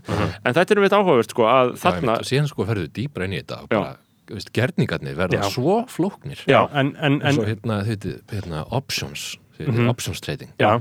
þetta er bara, þetta er rugl flókir hvað er þetta? veist, þá ertu til dæmis, þá ertu að veðja á að verðið fara einhvern veginn upp og það tryggja einhvern veginn svona Já, fyrir því og þetta er svona, Mhm. sem getur þú selt það og þú ert, þú ert að selja trygginguna og það hefur verð fattið, þetta er svona derivatives og- einmitt. og- mjög endalaust mikið af seljanlegum derivatives Já. Innan kaupana sjálfa Allt þetta Já. bara, bara, bara eitthvað gimmick. Og þú veist þetta er bara mjög bara, er bara ára tögja skipulegja hvernig er hægt að hafa þetta eins mögulega flókið og hægt er. Og þeir helstu rauk, sérstaklega helstu rauk sko húmasleysu íslensku hærimanna er, þetta er nú ekki alveg svona einfalt. Þið, þið, þið, þið skilji ekki alveg, það er alltaf að fara að gaslæta skilur, Já. það, það er alltaf eins og allt með nýju stjórnarskrána með afklæpavæðinguna með allt sem að er eitthvað good shit, einhverja good shit breytingar að fara að gerast, þá er alltaf herðu, herðu, herðu, herðu róið ykkur, við erum málefnaleg Já, einmitt. við erum málefnaleg, þetta er ekki svona einfalt. Það, það er alltaf bara uh, en jú, þetta getur nú alveg verið svona Ég þætti einfalt. nefnilega ógeðslega skemmtilegt að búa í samfélagi sem að væri bara alltaf mikið að tilraunum. Mhm. það er Já. bara, við ætlum að brjóta nokkur egg Já, og gera já. góða ámælettu sko. Það er bara, gerum eitthvað. Akkurat. hlutunum Já, upp, prófum, klúðurum skiljið, mér svolítið svolítið að sjá það. Já, mér langar ekki að sjá hérna nöldran sem er eitthvað, en hérna, bökkum aðeins eitthvað, Já. bara eitthvað á móti borgarlínu Já. bara eitthvað Já. come on Já, einmitt. Já. Almenni samgöngur, please. Akkur eftir Já. á móti af hverju ertu á almenningssamgöngur? móti almenningssamgöngur hefur þið farið til útlanda Já, einmitt. nei, bara það sem þú getur bókstæðan að ferðast með almenningssamgöngum. Já. Þú veist. Já, sko, ég held að, ég það, held er, það að, er svo fucking beta að kera bíl sko já, ég, það er glata það er eiginlega nýja veifið, sko. Já. Ég er Beta alltaf komin að rama shit sko. á Það er- bíl, sko. það er- Það er algjört estrogen dæmi. já, já, hérna, soy jack já, það er soy, soy boy shit sko Soyboy á svona stórum bíl. já, já, Já. soy jack keirir hérna Ford 150 já, uh, Chad Já, hvað er það? 100%. Tur Turbo Chad Já. hann er á hérna hjóli já, hvað, hvað er hérna það sem Jökull Solberg alltaf að tala um? Þannig að light mobile Já. eitthvað, hann er á svona örflæðis bara Örflæði, fljúandi örflæðis já, micromobility. Alveg rétt. Ég, já, ég komin að rafhjól sko, þannig ég er 100% á þessu wavei sko. já, er það á rafhjóli? ég er á rafhjóli sko, og bara, þú Já, veist. hvað minn góður, ég var að hjóla hérna sæbrutunum daginn. Já, og ég er bara á klassísku dumbass manpower hjóli. Skeggi og hjóli já. og það er eitthvað gamall kall að hjóla undan mér. Og ég var bara alltaf að pussa veist, ég var bara hratt. Já, og hann var bara í al, algjöri leti að hjóla sko. Já. hann var samt bara langt á undan mér ég var ekki að ná honum. Og ég var eitthvað, ó, hvað, djúður þetta pyrrandi já, fyrir eitthvað gefi Já. fatt ekki hann er á rafhjólinu hann, bara, hann er cruising sko. hann er cruising sko. Og ég fatt að ég komin upp bara með bara, auðvitað er hérna. Já, já, ég er bara eitthvað, veist, ég hjóla bara ég hjóla bara frá, þarna, frá grandanum Já. og bara upp, í, upp á Söðurlandsbraut og kem bara, og þú veist, bara, ég er bara ekki sveittur sko. já, mitt, Þú veist, hvað ertu lengi? tíu, eða ég held ég, ég hef náði á 12 mínútum frá Jóð húsinu Já. upp að Söðurlandsbraut 8 sem Já. Vodafone er og Nings mitt, mitt, Þú veist, þetta er alveg 12 mínútur. Mhm. þú ferð þetta ekki á mikið stittra en 8 eða 9 myndum á bíl sko, í yngri umferð. Þú ert korter á bíl. Þú ert Eða kortir í umferð á, eftir mjög lengi að þú, fara þetta þú bíl myndir gefa þér 20 mínútur sko. já, skilur, til þess að þú vera að tíma, þú ert sko. bókstala að fara jafnrætt og ert í fersku lofti í sólinni. Þetta er bara algjört væp sko. algjörlega algjört væp en við, við Íslendingar eru samt svona, þú veist, við erum mjög hrifun að gera þetta á sumrin. Já, já, en við erum ekki að döli í þessu og við, ég ætla, ég er spenntur að sjá hvernig þetta verður. Já, sumir Já. eru og það er alveg ég held að þetta sé bara spurning um að venja sig á kjaftaði sko. algjörlega, og danirnir eru alveg með þetta hreinu sko. já, ég þeir meina fara bara út að hjóla. Já, Þú veist, það er allt glata og þú ferð Já. bara að Ég meina, er á milli stað það er líka hundlegelt að fara út í bíl að veitna það er líka umrætt, það er ekki næs að vera kalt inn í bíl. Nei, þú veist um, þannig að það er líka 100% slemt voru ekki að tala um eitthvað sem við fórum yfir í já, við vorum í þessari hugmyndafræði sko Mm. þarna breyttist New York, sagði hann Mhm. 1975 að New York hafi farið úr höndurum á bara, þú veist, að það er líka svolítið fallið pæling, þú veist, eins og bara eitthvað, eitthvað þú veist, ef þú sér fyrir þig bara eitthvað svona frekar svona illa rekið eitthvað sveitafélag sem bara stór skuldugt og þetta er bara svona mennst fólk að reyna að ná völdum og reyna að reka einhverja borg og það gengur bara illa, skilur Mhm. sem bara einhvern veginn skilst mér að bankanir hafi bara eiginlega beilað borgina út að þau voru bara orðin gjaldróta, skilur Já. og bara eignuðu sér borgin og fóru bara, bygg, fóru bara í, þú veist, bara stýrðu bara einhverju borgaráði eða hvernig það var, einhverju banka, eitthvað bankafólk Mhm. og þá hafi bara allt breyst uh, og þá hafi bara einhvern veginn allt bara algjörlega fokkast upp sko, þegar þetta fór í hendunar á fólki eða bara sem s- hugsa, sem skilur ekki neitt annað en bara, þú veist bara nei, þetta er ekki hagstætt. Bara skilur bara ekkert annað en bara Mhm. nei, þetta er ekki arðbært. Já, já. Veist, bara, þannig bara talan. Bara talan, bara, bara prósentan og talan. Mhm. þú veist, og bara þetta er svo ógeðslega mannfjandsamleg svona uh, mann, mannfjandsamleg rekstra grundvöldur fyrir hluti til að ganga fyrir sig á sko. ég, ég er mjög hrifin af pælingunni bara með kapital. Bara auðmagn sem Já. slíkt mm þetta er bara eins og geimvera já, sem Já. stýrir þér Mhm. það er bara einhver, einhver þetta er fyrt hugsun ég meina þetta er Já. það sem Marx alltaf tala um, þetta er bara fyrring Já. við, við vitum ekki hvað við erum að Já. gera Nei. Nei. Við erum bara að framleiða Já. meira og meira og meira við hérna notum pening, við búum til vöru við seljum vöruna fyrir meiri pening Mhm. við búum til vöru þú veist, tvær vörur þetta er bara, þetta Já. rúlar svona og, og, og, og við vitum ekki svona hvað við erum að gera Nei, Nei. þe- þetta er það sem einmitt Adam Curtis er að tala um í sér mynd það Já. er bara hyper-normalization Já. það er bara búið að gjörsamlega framleiða samþykið okkar Einmitt. með doktrinu Mm. fyrir þessu bara hyper-normalization bara, þetta er bara eðlilegt það er eðlilegt að þú farir verðt í skóla í 20 ár síðan ferðu í háskóla í 5 ár Mhm. og síðan ferðu að vinna í Arjónbanka í Arjónbanka Mhm. Já. við sittur á skristofu Já, bara, Bara- búið, til, búið til meiri peninga búið til meiri Já. pening fyrir eigendur bankans og þú far þín laun Einmitt. og, og, sko, og, og, síðan, er haldið góðu með einhverjum staffapartíum og einhverjum veislu, Já. skilur bara stemmingu það sem er svona kannski steiktast eða áhugaverðast er sko, á endanum er þetta ekki fyrir neitt eða mm -hmm. já, það er engin mannverða sem beint sko græðir á þessu eða fattiði mig það já, Veist, já, það, það Já. koma allir út í mínus já, á já, endanum að þurfa að gera svona mikið líka já bara þú veist, fyrir hvernig eru að gera þetta Mhm. það er svo séum ég bara svona einhverju mass delusion já, við þurfum ekki svona mikið. Nei, Nei. við erum bara alltaf góð. Já. nú þegar. Já, en samt hættir grændið ekki. Nei. Þetta, og, þetta er klikkun. Já. þetta er algjör fyrring já, Mhm. það, það er alveg rétt sko, að því að við hugsa út í að þú veist af hverju ætti maður að vera að vinna af sér, akkur eru svona ógeisla margir að vinna af sér fucking raskatir? Já, Mhm. það er mitt ég er bara- í þremur vinnum Já, eitthvað. Bara, og, Why? og það þykir, það þykir einmitt, að því að þá komum við líka hugmyndafræðinu og normalizationinu, það þykir Já, já, að vera í þremur vinnum, það er bara eftir svona verð Sér náttúrulega líka bara fátætt fólk skilja, þarf að vera í þremur vinnum. Það er, það það er, það er brútalt. það er alltaf sko. Það er alltaf hræðilegt. Og, og, og, og fyrir hvern ég veit ekki, það, Það er algjörlega pointless. Og, en, en af hverju erum við föst í þessu, við erum algjörlega föst í þessu. Við erum föst í viðjum svona einhverja hugmyndafræði og það er líka áhugavert að sko það var bent á þetta fyrir 150 árum sko. Já, já. Já. Fólk voru að benda þetta bara, hei, þetta er smá hérna mögulega svolítið skakt, skilur og hann var bara gaslætaður Já, Marksarinn, Marx hvernig var, hann, að vera hann í lifanda lífi, veistu það Kalli? uh, Örgulega svolítið erfitt sko. Heldur hann að hafi verið drikkveldur og hann reykti allan daginn. Var Já. hann respektaður eða? fekk hann, þú veist, fekk hann að njóta áhrifana sína? Nei, á einhvern nátt já, Nei. sko, hann stopnaði náttúrulega hérna, hann kom að stopnun um, fyrsta internationalsins. Já, já, og, uh, alþjóðlegs kommunistaflokks já, Já, og hérna jú, jú, hann hafði alveg áhrif sko Já. en ekki þessi áhrif, Nei. hann fann ekki fyrir því sem hann, hann var ekki, þau veitir Hven- heimsfrægur. hvena, dó hann? uh, 84 já, ok, Já. þannig að það er alveg fjör, 40 ár 30 ár, þá getur Já, það já, svona já. raunverulega eitthvað. Já, já, já, já. Ég man ekki nákvæmlega hvernig það var það er já. eitthvað en það leiti sko. einmitt, en hann var Þá getur en, að byltingar hugsunin raungirist í fyrsta skipti í einhverju, Já. að einhverju raunverulega marki já, einmitt, þar til einhver prófar eitthvað. Já, akkurat. Hann var samt uppi á meðan Parísakommunan var og Já. var blaðamaður þar og það, var, það er áhugavert. Og hann var náttúrulega útlægur úr uh, Prúslandi eða Þýskalandi, hann var aldrei hlut, hann fekk ekki að vera þar eða hvað, þurfti hann að vera í Fraklandi eða? Ég held að hann hafi bara alltaf verið á faransvæti því hann var svo skuldur Já, um hann bara skuldaði endalust og átti ekki bót fyrir bórun á sig sko. um og Engels hjálp hann uppi. Engels hérna sonur kapitalismans. Pabbi Engels átti verksmiðu já. já, og Engels síðan á endanum. Já, Var hann kapitalisti þá bara? Já, já. já, Hann já. gafst Marx, eh, þú veist, þetta er bara til Marx. Til Marx. Þetta er til Marx um það, Já. það þú kemst ekki hjá því.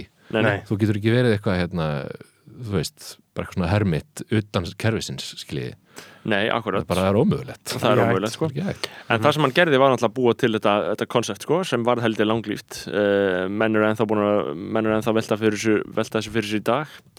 Eh, kommunismin kommunismin Já, já. Úff, hversu leiðileg umræða var það þú veist, og hversu leiðilegt er þetta hversu eternari leiðilegt er svona bara skilgrinningar umræðan já og, og svona venjulega pingpongið um þú veist, maður segir eitthvað svona hm, kommunismin gæti verið allt í lagi pæling.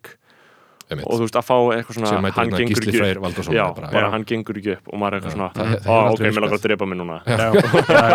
Út af þessum samskiptum Já. nú langar mig að drepa mig.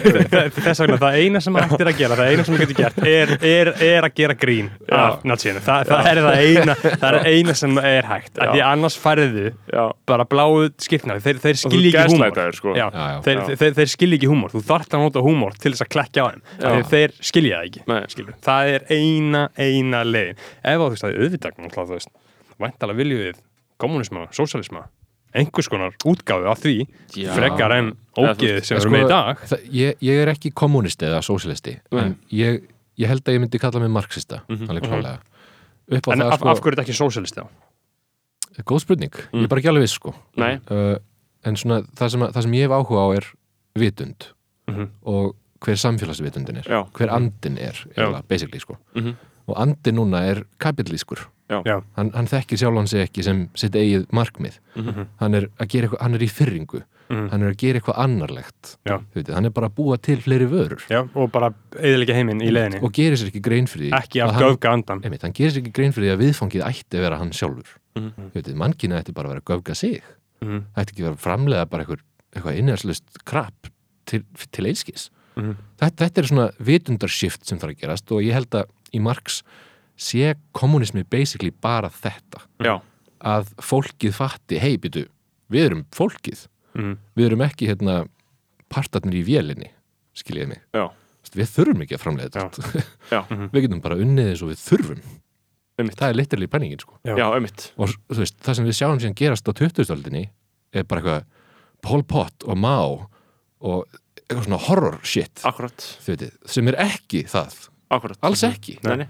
þannig að það er bara tótalega, það er bara alræðis uh, dæmi, þetta er það sem ég var svolítið erfitt með bara Mhm. eins og margir held ég að kalla sig kommunista, sósíalista og já, whatever. út af, já, einmitt þú veist, þú ert bara eitthvað, ugh, ég vil ekki hérna Já, hengja já. með þetta, nei. þetta er ekki það sem ég vil sko, Mhm. en þess vegna myndi ég segja, ég bakki smá minnst betra að segja marxisti Já, eh, meika mjög mikið sens og sko líka sko grundallar hugssjónin í því að segja að marxismi eða þá sosialismi eða kommunismi við kalla það Mm. sé bara aðal sest, upphaflega hugmyndin sé að segja við þurfum, er bara sköpum þarna uh, vitundavakningu um það að við þurfum ekki að vinna svona mikið. Já, við, við, við vinnum fyrir okkur. Já, veist, við þurfum ekki að vera að gera þetta. Auðmagniði mitt, Marx Já. skrifar þetta þetta er frægasta línun hans Já, auðmagniði er eins og vampýra sem bara sígur blóð. Já, það er bara, þetta er eitthvað svona Já. Algjörlega alien concept sem er inn í okkur öllum, bara heilaormur literally heilaormur. Mhm. og það á bara að framleiða meira. Já, til þess að geta framleitt meira. Meira, meira, meira. infinitum, já. þetta er svo brenglað. Þetta snýst alltaf um ruslahögana Já. bara fylla ruslahögana bara framlega fyrir stút ruslahögana fylla dæliti sko. Fyrsta línan í hérna Das Kapital.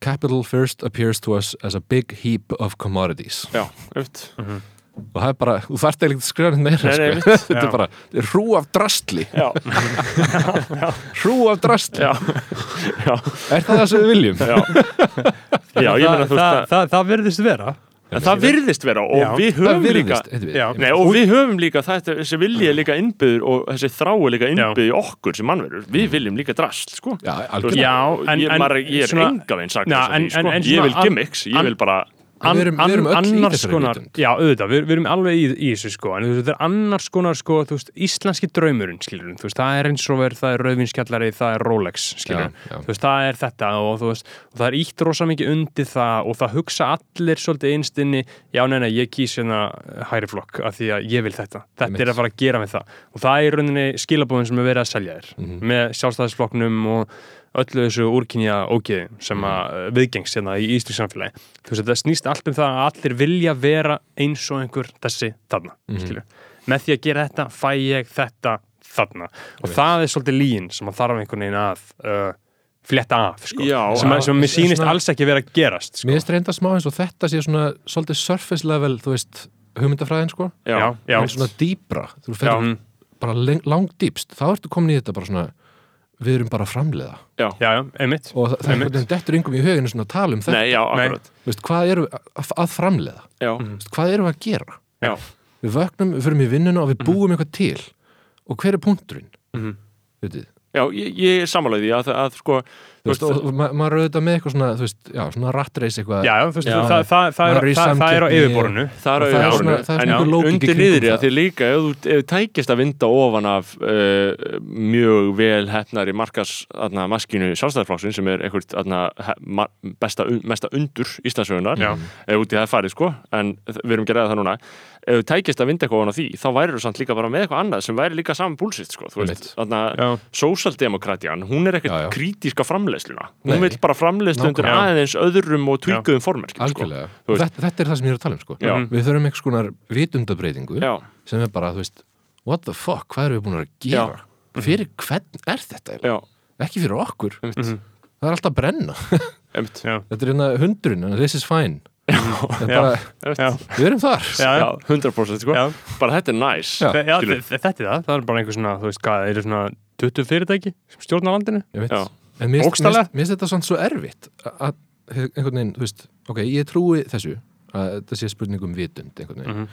en ég á sama tíma kaup ekki einhvern svona leninisma um að þú veist, að þurfa að stopna hérna flokkin sem leiðir vitund fólksins. Akkurat. Er svona vanguard party, ég Mhm. kaupi það ekki sko. Nei, Nei, ég skiljast þetta þarf að En gerast Hvað heldur það organist. gæti gerst frekar? Þú- ég veit ekki, Nei. það er sem er Sko, mest pyrrandi og ég ég- svona, enda einhvern veginn alltaf að vera bara svona politist, svona empty-handed. Já, ég get ekki sagt neitt. Nei, Ég held þetta snúist líka uh, um að það þurfi bara mjög vel hefnaðan og hnitniðan áróður á unga fólkið sko. Já. að fá þau til þess að skilja þetta Einmitt. meðan þau eru opinn fyrir þessu þú Já. ert ekki að fara að breyta einhverjum sem er búin að fara í mentaskóla, búin að fara í háskóla skilur Já.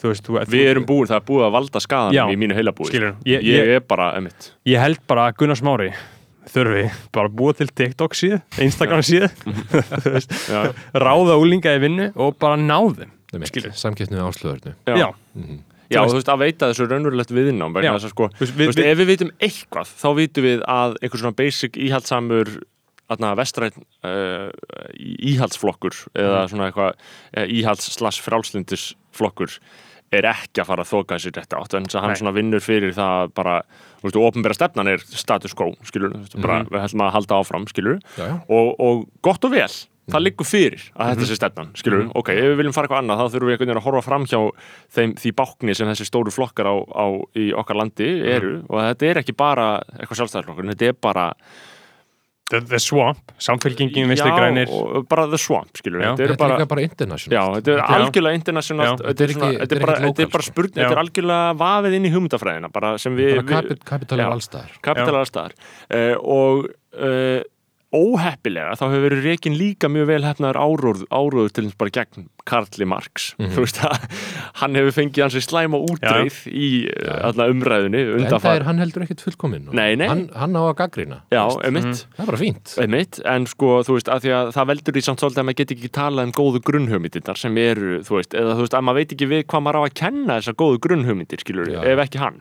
Eða ef já, ekki sósælisma, ef ekki kommunisma, ef ekki, þú veist þannig að, og, og, og þess vegna er mitt líka mm, skil, hef ég líka tölverðan skilning á því þegar fólk veit ekki kenna sér við uh, svona stefnur, vegna þess að algjörlega. uh, þú veist, það er bara rosalega problematíst í nútíma samfélagi, Já, bara meðal fullta fólks þú, veist, þú veist, og það er bara, fólk á bara mjög mikið, er bara mjög basic og jafnvel bara mjög klára mentið fólki og bara rosalega erfitt með uh, þessa stimpla. Einmitt. ekki Og bara fyrir sjálfa sig, heldur líka bara ef einhver aðri þeim finnst þetta bara, þetta er bara, það sem heitir bara problematíst er, og síðan þegar maður reynir að taka sumræði þá devolvar það alltaf í hérna, wall of text. Já, og bara fólk hefur ekki orkuna eða Já.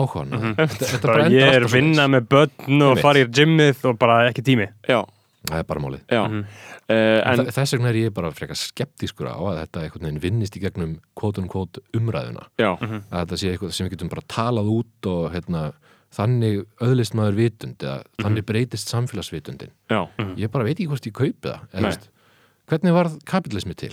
Var hann til í gegnum samfélagsumræðu? Akkurat, nei, Nei, hann bara þróaðist organikli upp úr fjúdalisma já, einmitt. Hann bara var til. Já, já. Og hann, Það hann, bara- bara, hann er bara það uh, voru bara, það voru bara efnislegar undirstöður fyrir honum já, akkurat, og þetta er alltaf bara spurning um materialískar aðstæður, þú veist, þetta byggist allt á því og materialísku aðstæðunar það er að segja sko bara efnisheimurinn núna hann bara passar ógisla vel við þetta kerfi, skilur Já. Já, já. Er Allt það það sé- marxista skoðanabræður? Já, Ta talum bara efnislegan, efnislegan marxisma en þú veist það er þannig og, og, og þess vegna líka sko á meðan efnislegar aðstæður okkar breytast ekki þá kannski er óraunhæft að ætla að, að við breytum einhverju sko. Uh, Þetta, er allt, þetta verður allt mjög pessimíst alltaf hjá mér. Ég Já, já, þe- með þe- fara ég enda, ég er komin niður í kuldisak sko, nú Já, er ég bara komin niður í bara þetta, botlanga, þú veist, Þe- bara, bara legstunir á gólf. Já, Já, en ég meina þetta gerist að þú getur talað um þetta endalust en síðan getur maður líka bara hort á bara raunveruleika uh, íslensku þjóðurinnar Já. og hort á sjálfan sig í því samengi og ég sé það að ég þarf ekki stakan hlut.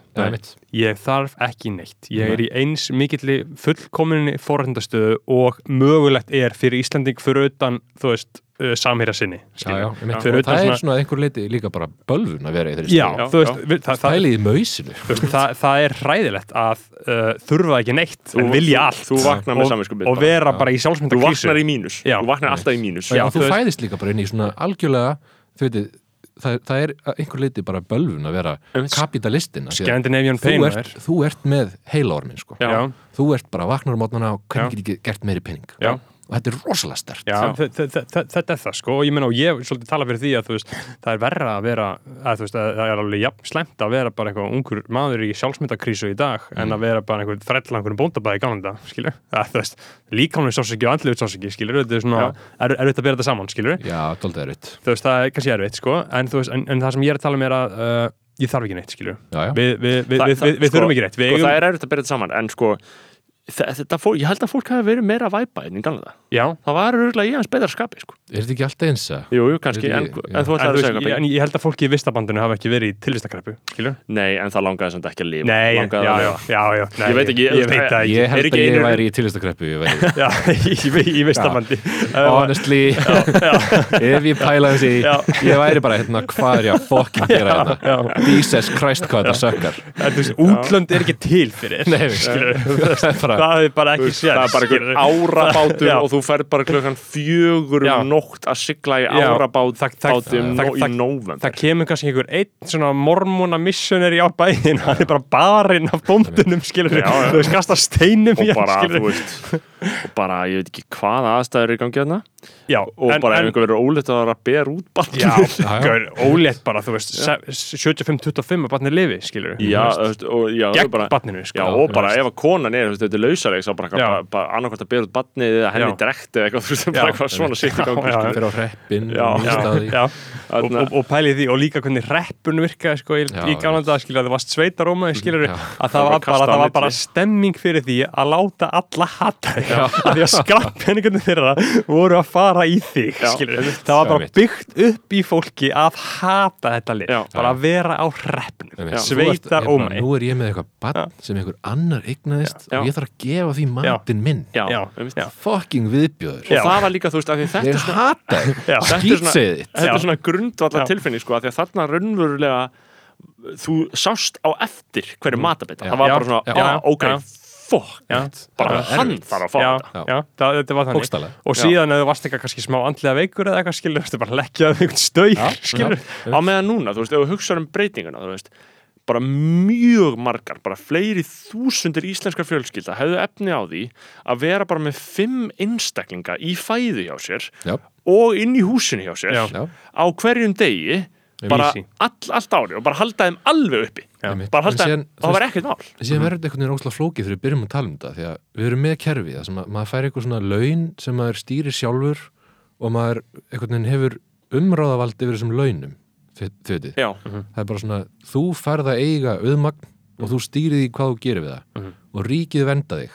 Þú veist, ríkið ábyrgist það og þú fáir og þetta passar umráðavald. upp á það fyrir þig skilur, þú, veist, þú mátt eiga það. En bara þetta fyrirkomulag er skrítið. Já, Þú veist, af hverju fæ ég einhver laun sem ég ákveð hvað fara í? Til, af hverju, já, why akkur er eitthvað fólk að svelta? Já, Já, og ég er eitthvað, hérna, ég ræð hvað ég gerir peningi minn what the fuck? Já, já, ah, já af, af hverju er ekki búið að koma því fyrir að allir hafi til dæmis uh, húsaskjól. Einmitt. og mat þetta er og alveg sturtu. þetta er stór skrítið.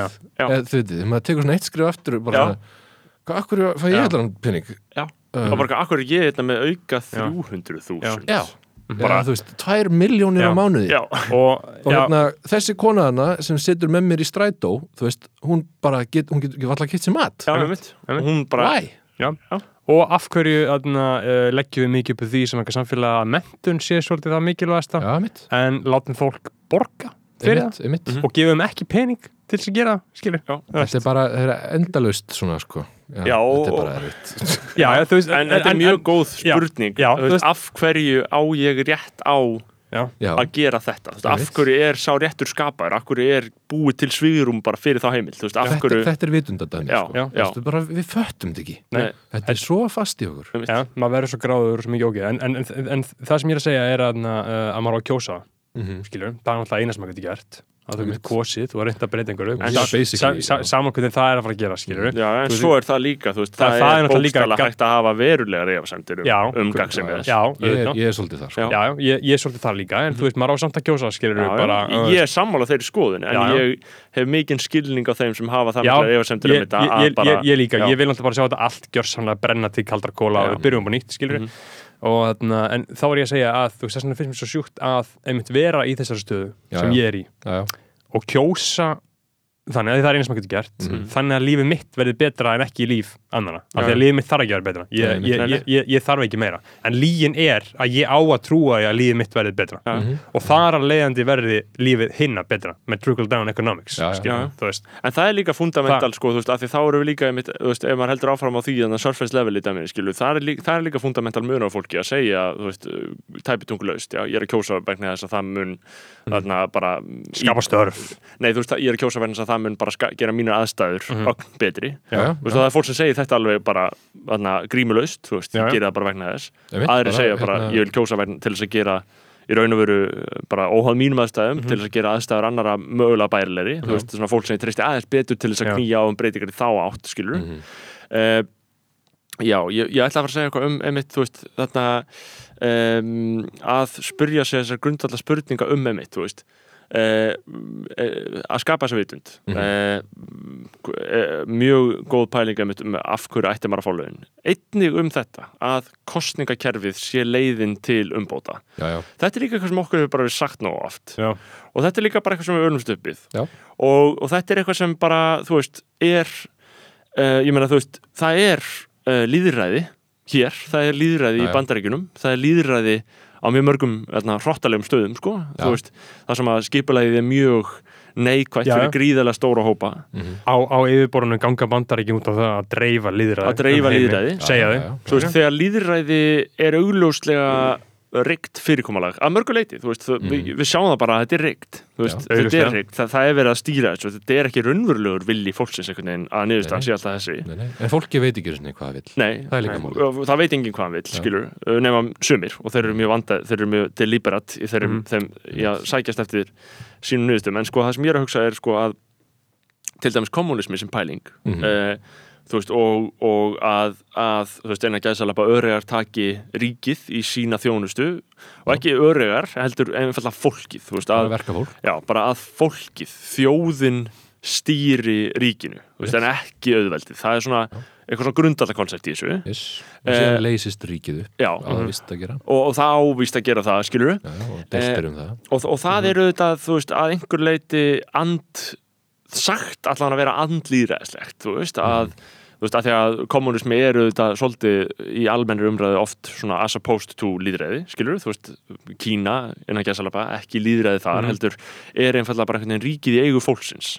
Já, og þetta er svolítið bara svona öðruvísi líðræði þetta er ekkert beint ekki líðræði já, í Kína? Já, það er mjög skrítið. Já, ég skil það ekki Það er svo er rosalega Mér finnst eiginlega bara ekki hægt að fella undir neitt gott hugtak annað Nei. en bara, þú veist það sem, það sem þeir kalla það sjálfur sko, Já, bara já. socialism with Chinese characteristics. Já. þetta er bara eitthvað fucked up eða skríti sko. Það, það, það, er al- ekki hægt að kalla þetta socialism eða kommunism eða kapitalism, þetta er bara þetta er Kína í dag. Þetta er er eitthvað svona sko. tekno, hérna, fasísk. Brús, brútal augljóslega útópía, fjármála öll, stýra, sko. þetta er bara algjört krapp þetta er, þetta er miljardar þjóð. Skilur pæl, pæl, pæl í því við erum stjórna hérna í podcast-herbergi sko. Við erum í alveg- að tala saman skilur. þetta er alveg brútal dæmi og Já. ég held að við föttum ekki alveg Nei. hvað þetta er sko. Nei, nei, nei, og við höfum, þú veist, ég, það, það, ég, þú veist, ef það er til þekking um það á íslensku, þá væri ég til í að lesa hana, en ég veit bara ekki hvort hún sé til.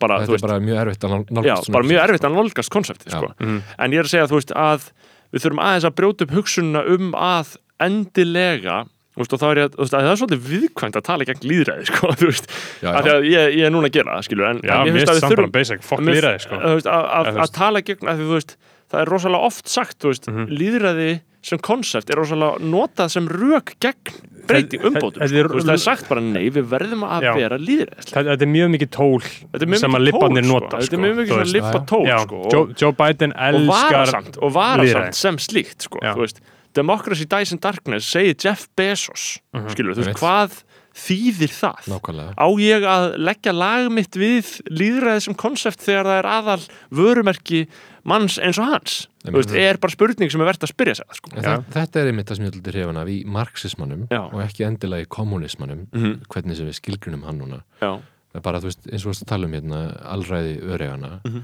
þetta er bara eitthvað svona þetta er vitundar hérna, líðræðið Mhm. þetta er næsta stig líðræðis já, það sem að fólki þekkir það, hvað það vill og hvað það er að gera.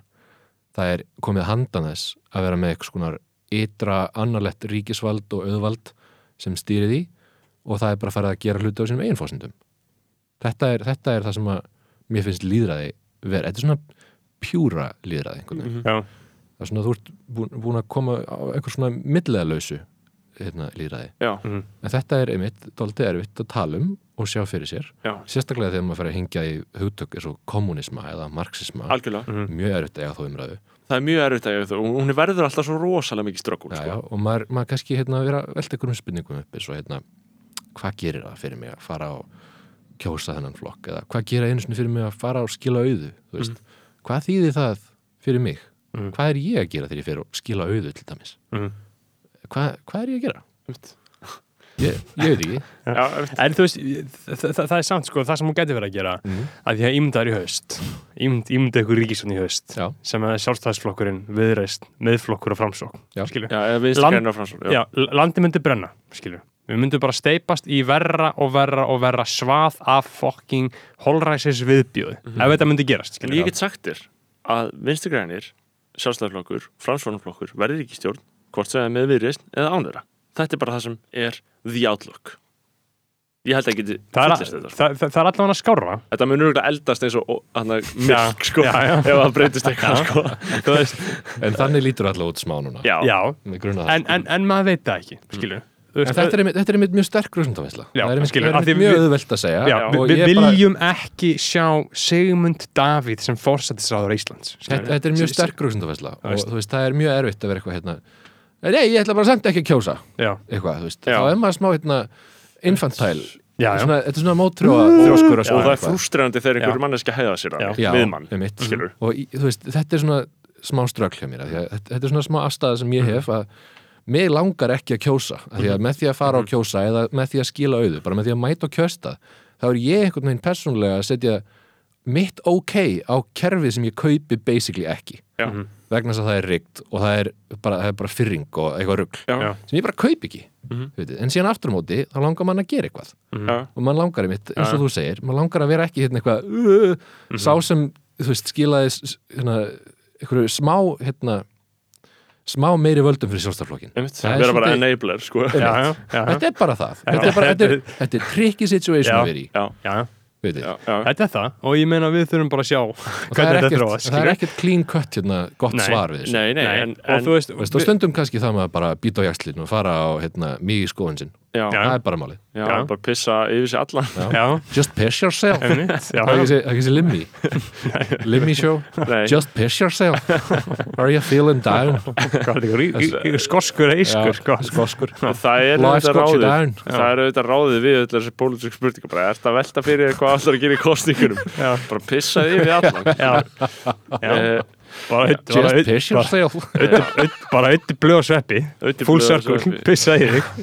Pissur ringur ángríns pissa í þig, en ég minna hei, þú veist, við Þetta er getum baseline vitundin okkar. Já, þetta- en þú veist, en, en, en síðan Sveppi pissar í munnin á auka Já, bara, En ég meina bara sí- fyndnasta sena í heimi. Sveppi pissar á auða já, já bara þeir að taka tilraun og taka challenge og hvað sem þú voru að fokkin gera maður. Nei, ég meina, ef þú myndir setja þetta vídeo fyrir frá mig núna ég myndi horfa að það shit out of it, sko. Já, já, þú veist, þetta virkar þetta er, bara er, hundar Pavlov, skilur Já. maður bara að slefa þegar maður heyrir bjölluna. Þetta er er bara eins og það maður er alltaf bara ekki hérna á skrifstofinu og allir að tala bara, hei, sjá, sjá hvað Rikki ger að gera Rikki ger á kjól á söðlandsbröndinni What the fuck? Og allir bara fara að fokkin horfa á Rikka G í kjól á veit og, og, og, og síðan, síðan eitthvað tveim vingur setna bara, hei, sjá þetta eigin plóter bitch slappa Rikka G. Skilur, Já, bara Rikki G. Egil Plóter tekur Rikki G Rýr naked joke já. Þetta virkar Egil Blóter waterboardar Rikka G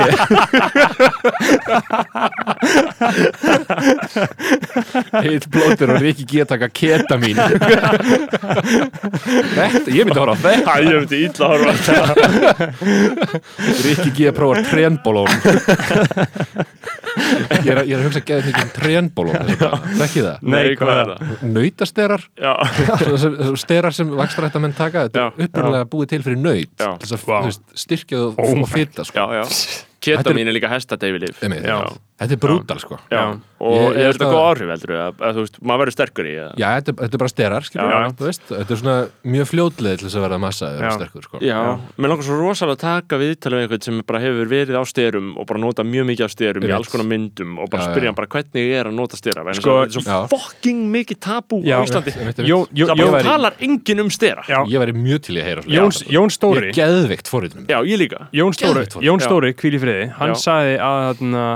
í daglegri kúkaníslu í mörg, mörg ár Já. bara að tekið allt upp í heiminum hann sagði bara sterar eru það sjúkasta Já, sterar eru það allra sjúkasta af þessu öllum Ég, ég, ég held það- nefnilega, sko. niður, ert bara á skilur. Testosterone high allan daginn. Það er bara, þú veist, þú ert fucking maðurinn, skilur. Já. íbarast að ímynda þér Já. þetta það er engin furða að þessi menn Mhm. styrar síðan blanda kókainu og áfengi inn í shit, að maður. fremja of, ofbeldismerk. Nei, nei, ofbeld, já, þú já, veist, þú veist, það bara er bókstala þú getur bara kalkulera forrita, líkur sko. þá bara svona, já, Já. 95% líkur Ég þessi maður er- það er ekki. einmitt. Sjenslust. Uh, þú veist, og, eh, sko ég ég mynda mig líka verðin að styrar eru einmitt kókain, ok, þú örvar eh, einhverja taugar og eitthvað svona skilur, og þetta er svona tiltölulega held ég efnafræðileg líkamleg örfun þú veist, bara á líkanstarfsemi styrar hins vegar, þeir fara inn í svona aðeins aðra leiðstur líkamann sem eru hormónin sem aftur snerta á bara svona verulega svona veiga miklum andlegum þáttum bara eins og karlmennsku tilfinningunniðinni Já, ég, ég myndi segja þetta testosterón sko, sé bara svona ég held að hafi bara áhrif á hvernig þú ert í, í veröldinu Já, ég er Já, það, já, er svona líðaninn eða skapið þitt bara svona, svona baseline svona já, fyrirbráðilegt rosalegt já. já, það er umturnaði hvernig þú ert sko. Já. þú ert bara á Já. öðrum stað og bara á öðrum stað sko. en, en síðan er náttúrulega líka styrir á Íslandi þú veist, það er rosalega mismöndi, það er rosalega margir að taka anavar Ég er alltaf að heyra anavar anavar sko, A-vitamin sko, að tala um það, Já, þú veist, það, það er rosalega vægir styrar, það Já. svona svolítið svona Hollywood styrar, Mm. það er svona þú veist, svona, svona er Ryan Reynolds MS. já, aesthetics og það, það er bara pillur sko, þú tekur bara pillur og það er vist fyrir uh, originally held ég fyrir krabbamenns sjúklinga Já. til þess að uh, hækka vöðva, vöðva massan þeirra sko. En síðan eru líka náttúrulega bara sko, sprauta með því sprautar í rassinu á þér skilur og það er náttúrulega miklu meira heavy skilur. Það, er- það er hardcore sko. og, trendbólunni er þar sko. já, og, og þú veist, þú tekur það ég held að þú tekur kannski trembólinu með testa sko. já, já. Testa steroni í bossana þér Já.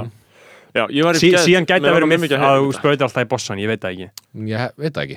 Veist, Þarna, kannski er alveg bara að finna æð einhverstaðar annars það líka sko. En svo náttúrulega er þetta líka mjög skiljanlegt að síðan bara getur þú bara lift 120 kílóum Já. í backpressu skilur og þú bara Já. eitthvað vákvæð Superhuman.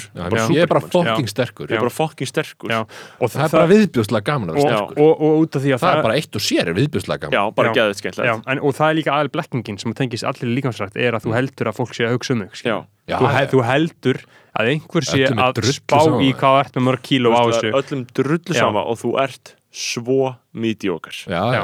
Þú ert í Já. grunninn mest mediocre piece of shit á jörðinni Já. Þú veist, það hefur varla verið Já. meira mediocre mannskja til en þú í líkastastöðu ever Já. og þú heldur að þú hafi Já. merkingu það er mitt Skilur. upp, uppáhalds mjög mitt í heiminum er þarna gaurinni með, með undir armortir og, og proteinbrúsan sitjandi á, dínu heimi á sér einn skilur. ég átti bara heilt ár þar sem ég var þessi gæði þetta er lífið mitt í dag sko. Er ekki allir ungi kallmenn í ykkur þeirra, Ég held að allir ungi kallmenn takir svona fasa Já. það fasa sko Já. Það Þú sem bara þarft að gera það Já, já Sorry, þú þarft að gera það Já. Þú Í gerir hverju ekki fælst það? fucking Hver, upp, hvernig, sko. hver er lýsingin, skilur? Hver er lýsingin á þessum fasa? Þú Þú bara, þú ert komin á þann stað, þú fer tvisar ræktin á dag Þú ert alltaf að geta eitthvað fucking protein, duft, drasl kreatín, eitthvað postum lift já, online og þú veist, það þú bara eitthvað gerir samt basically ekkert af því Nei. þú mátt ekki borða neitt að viti Já. Getur ekki Lífið er djammað. ekki eitthvað svona snöytt Þú sneiðir þig öllu. Viniðinni nennis ekki með þér. Einmitt. þú ert einn í þessu basically sko. þannig að þú ert bara eitthvað svona semi svona semi-online en alltaf í ræktinni. Já, og mér, mann langar líka, þú veist, mér langar oft þegar ég er rættin ef ég fer í laugar eða eitthvað svona og er bara eitthvað að gera eitthvað svona, að því að fyrir mér er þetta bara mjög hversdagslegt, ég kíkja bara þarna sprikla aðeins og fer síðan bara eitthvað styrta og fer uh, síðan hittir maður, þú veist, þessa gauðra sem eru með undir Já. og þeir eru með líka með svona Já. þráðlaus stór heyrnatól yfir já, sér já. og jafnvel Og með hérna- glerun á og, sér og, og lappa um með tösku töskuna. og er, er í fara yfir. úr henni á einhverjum tímapunkti í gymminu þetta var mitt besta face sko. Þá var ég mitt, var ég hérna með brúsan töskuna og í sko stóru hettupil Já. til þess að fela power levelið sitt sko. þetta er allt konsept Þetta er mjög þú- þú ert Ógeðslega rosalega- skemmtilegt. Þú ert rosalega Já. gadget í, skilur, þú ert með allt áður Já. einhvern veginn. og þú hlusta okkur svona fucking glata tónlist eitthvað, þú eitthvað uh, Já, og, þú ert í raun og veru þetta er allt eitt stór skjöldur fyrir óryggið skilur, þú ert að hjúpa Já, þér líður viðbjóðsleitla þið líður fokkin Já, ég, held að mér hafa aldrei liðið að mér Nei, svona no joke, Já, alveg ígjulaust og þú veist, þetta, er fyndið en ándjóks ándjóks aldrei liðið að illa. Þetta var það sem mér MR, gangandi. Já? þetta var svona undir á MR, mér MR sko, sjötti bekkur í MR er sérstök kategória af skeggjuðu fólki sko. Fólki líður svo illa bara átt að stýta framhaldsskólan í MR það er ekki annars það það var mjög átakalegt fyrir sko. Ég hérna, mætti svo illa í fimmtabekk já, að ég var gerður utan skóla Einmitt, í sjötta sem þýðir að ég má ekki mæti tíma. Einmitt það er bara, nei, þú mátt ekki mæti í tíma Já. þú Já. mættir svo illa, við Þú- viljum ekki já. fá þig lengur Útlagi. Já. Þú ert Vertu bara einn. samfélagslegur útlægi einhvers staðar. þannig að ég var bara í rektinni Volkast laugar Jöp. já, shit hvað ég fendi gauð, ég meina þú veist það, það voru allir, já, einmitt, það er ógeðslega fyrir en, en Jimmy, þú veist, já, það eru margir í sem backup og, Já. og þetta er svona Já, og síðan náttúrulega auðvitað jákvæða hliðir á þessu Já, já, þetta er Jimmy er náttúrulega snill, en það sem ég ætlaði líka að segja sko er, þú veist, þetta, þetta hjálp mér gangandi já, veit, það er svo gaman í Já, rættinni já, að já. ég meika það. Já, þetta er svona, we're all gonna make it Já. Já. mýmið sko já, það er Já. bara ángríns já, mhm. Jimmy er snill, sko, Já. sko, og, ef, ef, ég, ef það er einhver svona gym bro in a tough spot að hlusta Já. supplementar þetta með hugleðslu já, you'll thank me later veist. já, taka hugleysli líka, til fara til já, talaðu smá um meðferð. þú Já. veist, talaðu um uppeldið þitt, fara Ángríns. gegnum hlutina Já, veltu fyrir aðstæðinu sem varst í. Horfðu í í sannleikan já, það er og það er næs sko. Það er, segðu sannleikan, þú veist. Það, það, það er vond en það er næs og svo bara, já, taktu til í herbygginu. Já, búum rúmið Jordan Peterson var fokkin pappi minn maður. Shit, hvað segir pappi minn aldrei svona? Uh, pappi minn er búin að garga í 20 ári hérna. taktu til illa helvitis Já, ég veit ekki akkur Jordan Peterson hittaði svona harkala hóm hjá svona mörgum sko. Veist, það er alveg uh, svona það er, það er valið spurning sko. Já, Og hann, hann er örgulega vinsælar en aldrei. Með þetta Hero's Journey, þannig fór hann til Rússlands og háði pillunum og það dóttir hans fór að sækja hann það er samt þú búin að missa rosalegt momentum sko. Já. það, er hann hann, ekki hann út bók sko nýla Já, Já, eitthvað einmitt. 12 more rules. Fór enginn að pæli alveg undir að er það? Öllu Ok, drullu saman, sko. Það Eh, er basically skutsi í fótinn með Já. því að verða háður oxi og eitthvað Já. Já, veist. og, og sko, já, einmitt, hann Hann, ég ætla ekki að segja að hann hafi, þú veist, hann var náttúrulega já, Já, konan hans var með hvítblæði já einmitt, og bara já, mjög erfiðar aðstæður, sko, en, ég, ég er ekki að gera lítið úr því en það er aðdeglisvert að hann hafi verið á bara massum livja bendir á meðan öllu, á meðan á öllu þessu stóð. Já, já. Virðist vera, Já, þú veist, að bara, þú veist, Sko, sko dagfarið á honum. Já. þetta var brútal kistla, sko. Já, já, Finnst já, eiginlega- já, já, það bara ótrúlegt. 100.000 ráðstefnur bara, allstaðar og, þetta, var- ég hef aldrei svona kistlu áður, sko. Hann var allstaðar já, í alveg allstaðar, ár. já, Einmitt. einmitt. Og bara Bara alltaf bara, þú veist, ráðstefna og Já. viðtal. Hann hefur bara verið 24-7 í einhverju drasli Já, ég hef með þetta hugsað Já. að hann hafi bara haldið sér ganga þetta þegar maður var, þú veist, maður fattaði ekki alveg hvað það var mikið, mikið kyrsla á honum, skilur sjúk kistla, sko. Og alltaf, já, sko, performanirnar hans ef þú ferð og skoðar eitthvað sem hann að segja þú veist, hann er bara svo ykkur algjör listamæður Já. hann er bara svo Og þú hittar, þú veist, það er bara ógeðslega góður það, þannig virkar þetta líka bara. Þú þarft að, það, þú veist, þetta er eins og það með, til dæmis bara með Sölva Tryggva af hverju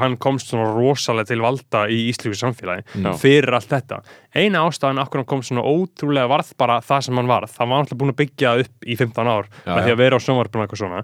En síðan bara, hann gaf út þrjá þætti á viku í ár, skilur tvo þætti á viku, hann framleiðsla bara. ógeðslega mikið að þessu og bara svona raunverulega Já. lagði hart að sér og fucking kerði þessu út á því skilur, og, og þar leiðandi hafði þetta svo mikið áhrif exposureið með allt hitt já. þetta hefði, ekki, hefði hann ekki verið komin á þann stað sem hann er á núna þá hefði þetta það ekki ekki verið svona hefði þetta sko. ekki Nei, verið svona. En það var bara út af því að hann þú veist, var eins og Torsten Peterson út um fucking já, já, Já. orðin svaka public figure. Svakalett það er mjög fín lína, sko. Um, sko, Já. við erum búin að vera inn í einn klukkutum á 40 mínútur. Já, Mm. við erum búin að fara yfir allt nema, nema sko, uh, Kalli, okkur langaði til þess að tala þú ert búin að vera í útlöndum já, smá Já, þarna hvar varstu, uh, varstu í Englandi, Breitlandi, varstu í London uh, ég fór Og í Japan. ég fór í meistra, sko, ok um, ég fór í bíanám í heimsbyggi hérna í HÍ Mhm. og ég tók uh, eina önn í Japan í skiptinámi einu önn bara já. eina önn ég, hef, ég ætla að taka ár, sko Mhm. Mhm. en síðan hérna, kom ég hérna út og það var bara ekkert fyrir mig að læra sem við erum ekki búin að læra ok, og ég tók bara alltaf stúpid ákvörðun ég kom aftur heim já, ég hefði bara átt að vera árið og njóta Já. þess, sko. já ég er bara með eitthvað svona, einhvern heilorm um að ég þyrfti að drífa mig sko. Já, já. ef einhver er að hlusta á þetta og er eitthvað svona, í, svona að drífa sér pælingunni bara wow, chill að þú bara, og Já. bara, gaur, ef þú ert í útlöndum Já, bara einmitt. vertu vertu Já. bara ekki Njóttu koma þess. til. Íslands þú veist, fucking farið í Japan og vertu Já. þar þóttu Já. sér ekki að læra jack shit já, bara alveg saman hvað þú bara ert sko. fuck sko, já, Ég bara- besta sem þú getur gert er að vera í útlöndum sko. algjörlega, já, ógustlega gaman uh, síðan, já, ég kom heima eins fyrir og kláraði bíanómið mitt og uh, beint eftir það fór ég í mestranám í meginlands heimsbyggi, svo kallari Mhm. í hérna Warwick háskóla sem er, Hvað er það? það Í er, Breitlandi? það er mjög nálægt Birmingham Já, hjá. Coventry. Midlands, semi? Co já, Já. West, West Midlands. Já, Coventry er einn vestistæður sem ég hef farið á. Já, Men- Birmingham líka? Birmingham er frekar slappur Já, uh, ekki slæmur Coventry samt. Nei. En þú veist þetta var allt sprengt í Coventry. tætlur í, í, ok, okay. sko, þetta var allt byggt upp hérna með einhverjum hraði 50-60 Já. og þetta er bara, þetta er er Heit, bara, hei, Heitasti sko breski rapparinn í dag frá Coventry pa Ja. Passa Líu Mm. Platan heitir Don't Come to Coventry wow, ég þarf að hlusta á Já, já, Þetta er geggjað sko. Það er sko fálegt að skoða kortið á þessum stað, er bara, já, er þetta bara eitthvað viðbjöður Akkur fór ég ekki, ég fór í sko ringreisu um Breitland Já. en ég sá það, fór ekki til Coventry. Mér finnst það svolítið leðilegt gott, skilur við gott ég Mhm. mæl ekki með því, sko. Já, og ég meina, og hvernig var úti? Hvað, hvað kendi þér þetta? Hvað, hvað, hvað Svo lærið cirka stort á Ísland, Coventry, 330 já. já, Einmitt. Mhm. Ég hérna fór bara í þennan háskóla því ég var elda einn prófessor Mhm. bara besta Hegel sérfræðing heims að mínum að því Mhm. og, og já, það var eiginlega eina ástæðan sko. Mhm. og hvernig var? það var bara fínt fyrir þannig að þú veist að COVID hérna, Eðlaði, fokkaði því upp sko. Já. Já, ok, varst það, og kláraður þau núna? ég kláraði þess að síðasta ágúst Já, uh, en ég kom heim síðasta, þar síðasta mars. Var þetta eitt ár bara? þetta var eitt ár, Já, gaur Mm. eins og Það svona er Get ég breski farið í master þetta, þessa, viss, þessa visslu eins ás master einhver staðar? Já, uh, á Íslandi, Ja, nei, bara einhver staðar, er það bara í Breitlandi? eða? breytanir eru mjög mikið þessu sko. Já, hérna, eins og smasturinn það er, það er ágætt sko, en það er svolítið mikið álag. Já, hérna, bara þú veist já, maður þarf ekkert að fara í eins ás master endilega. Nei, maður þarf þess ekkert sko. Nei, Líka alltaf bara að njóta þessari háskóla Mhm. uh, Bara eða finnst óslega gaman að náminu þínu, bara já.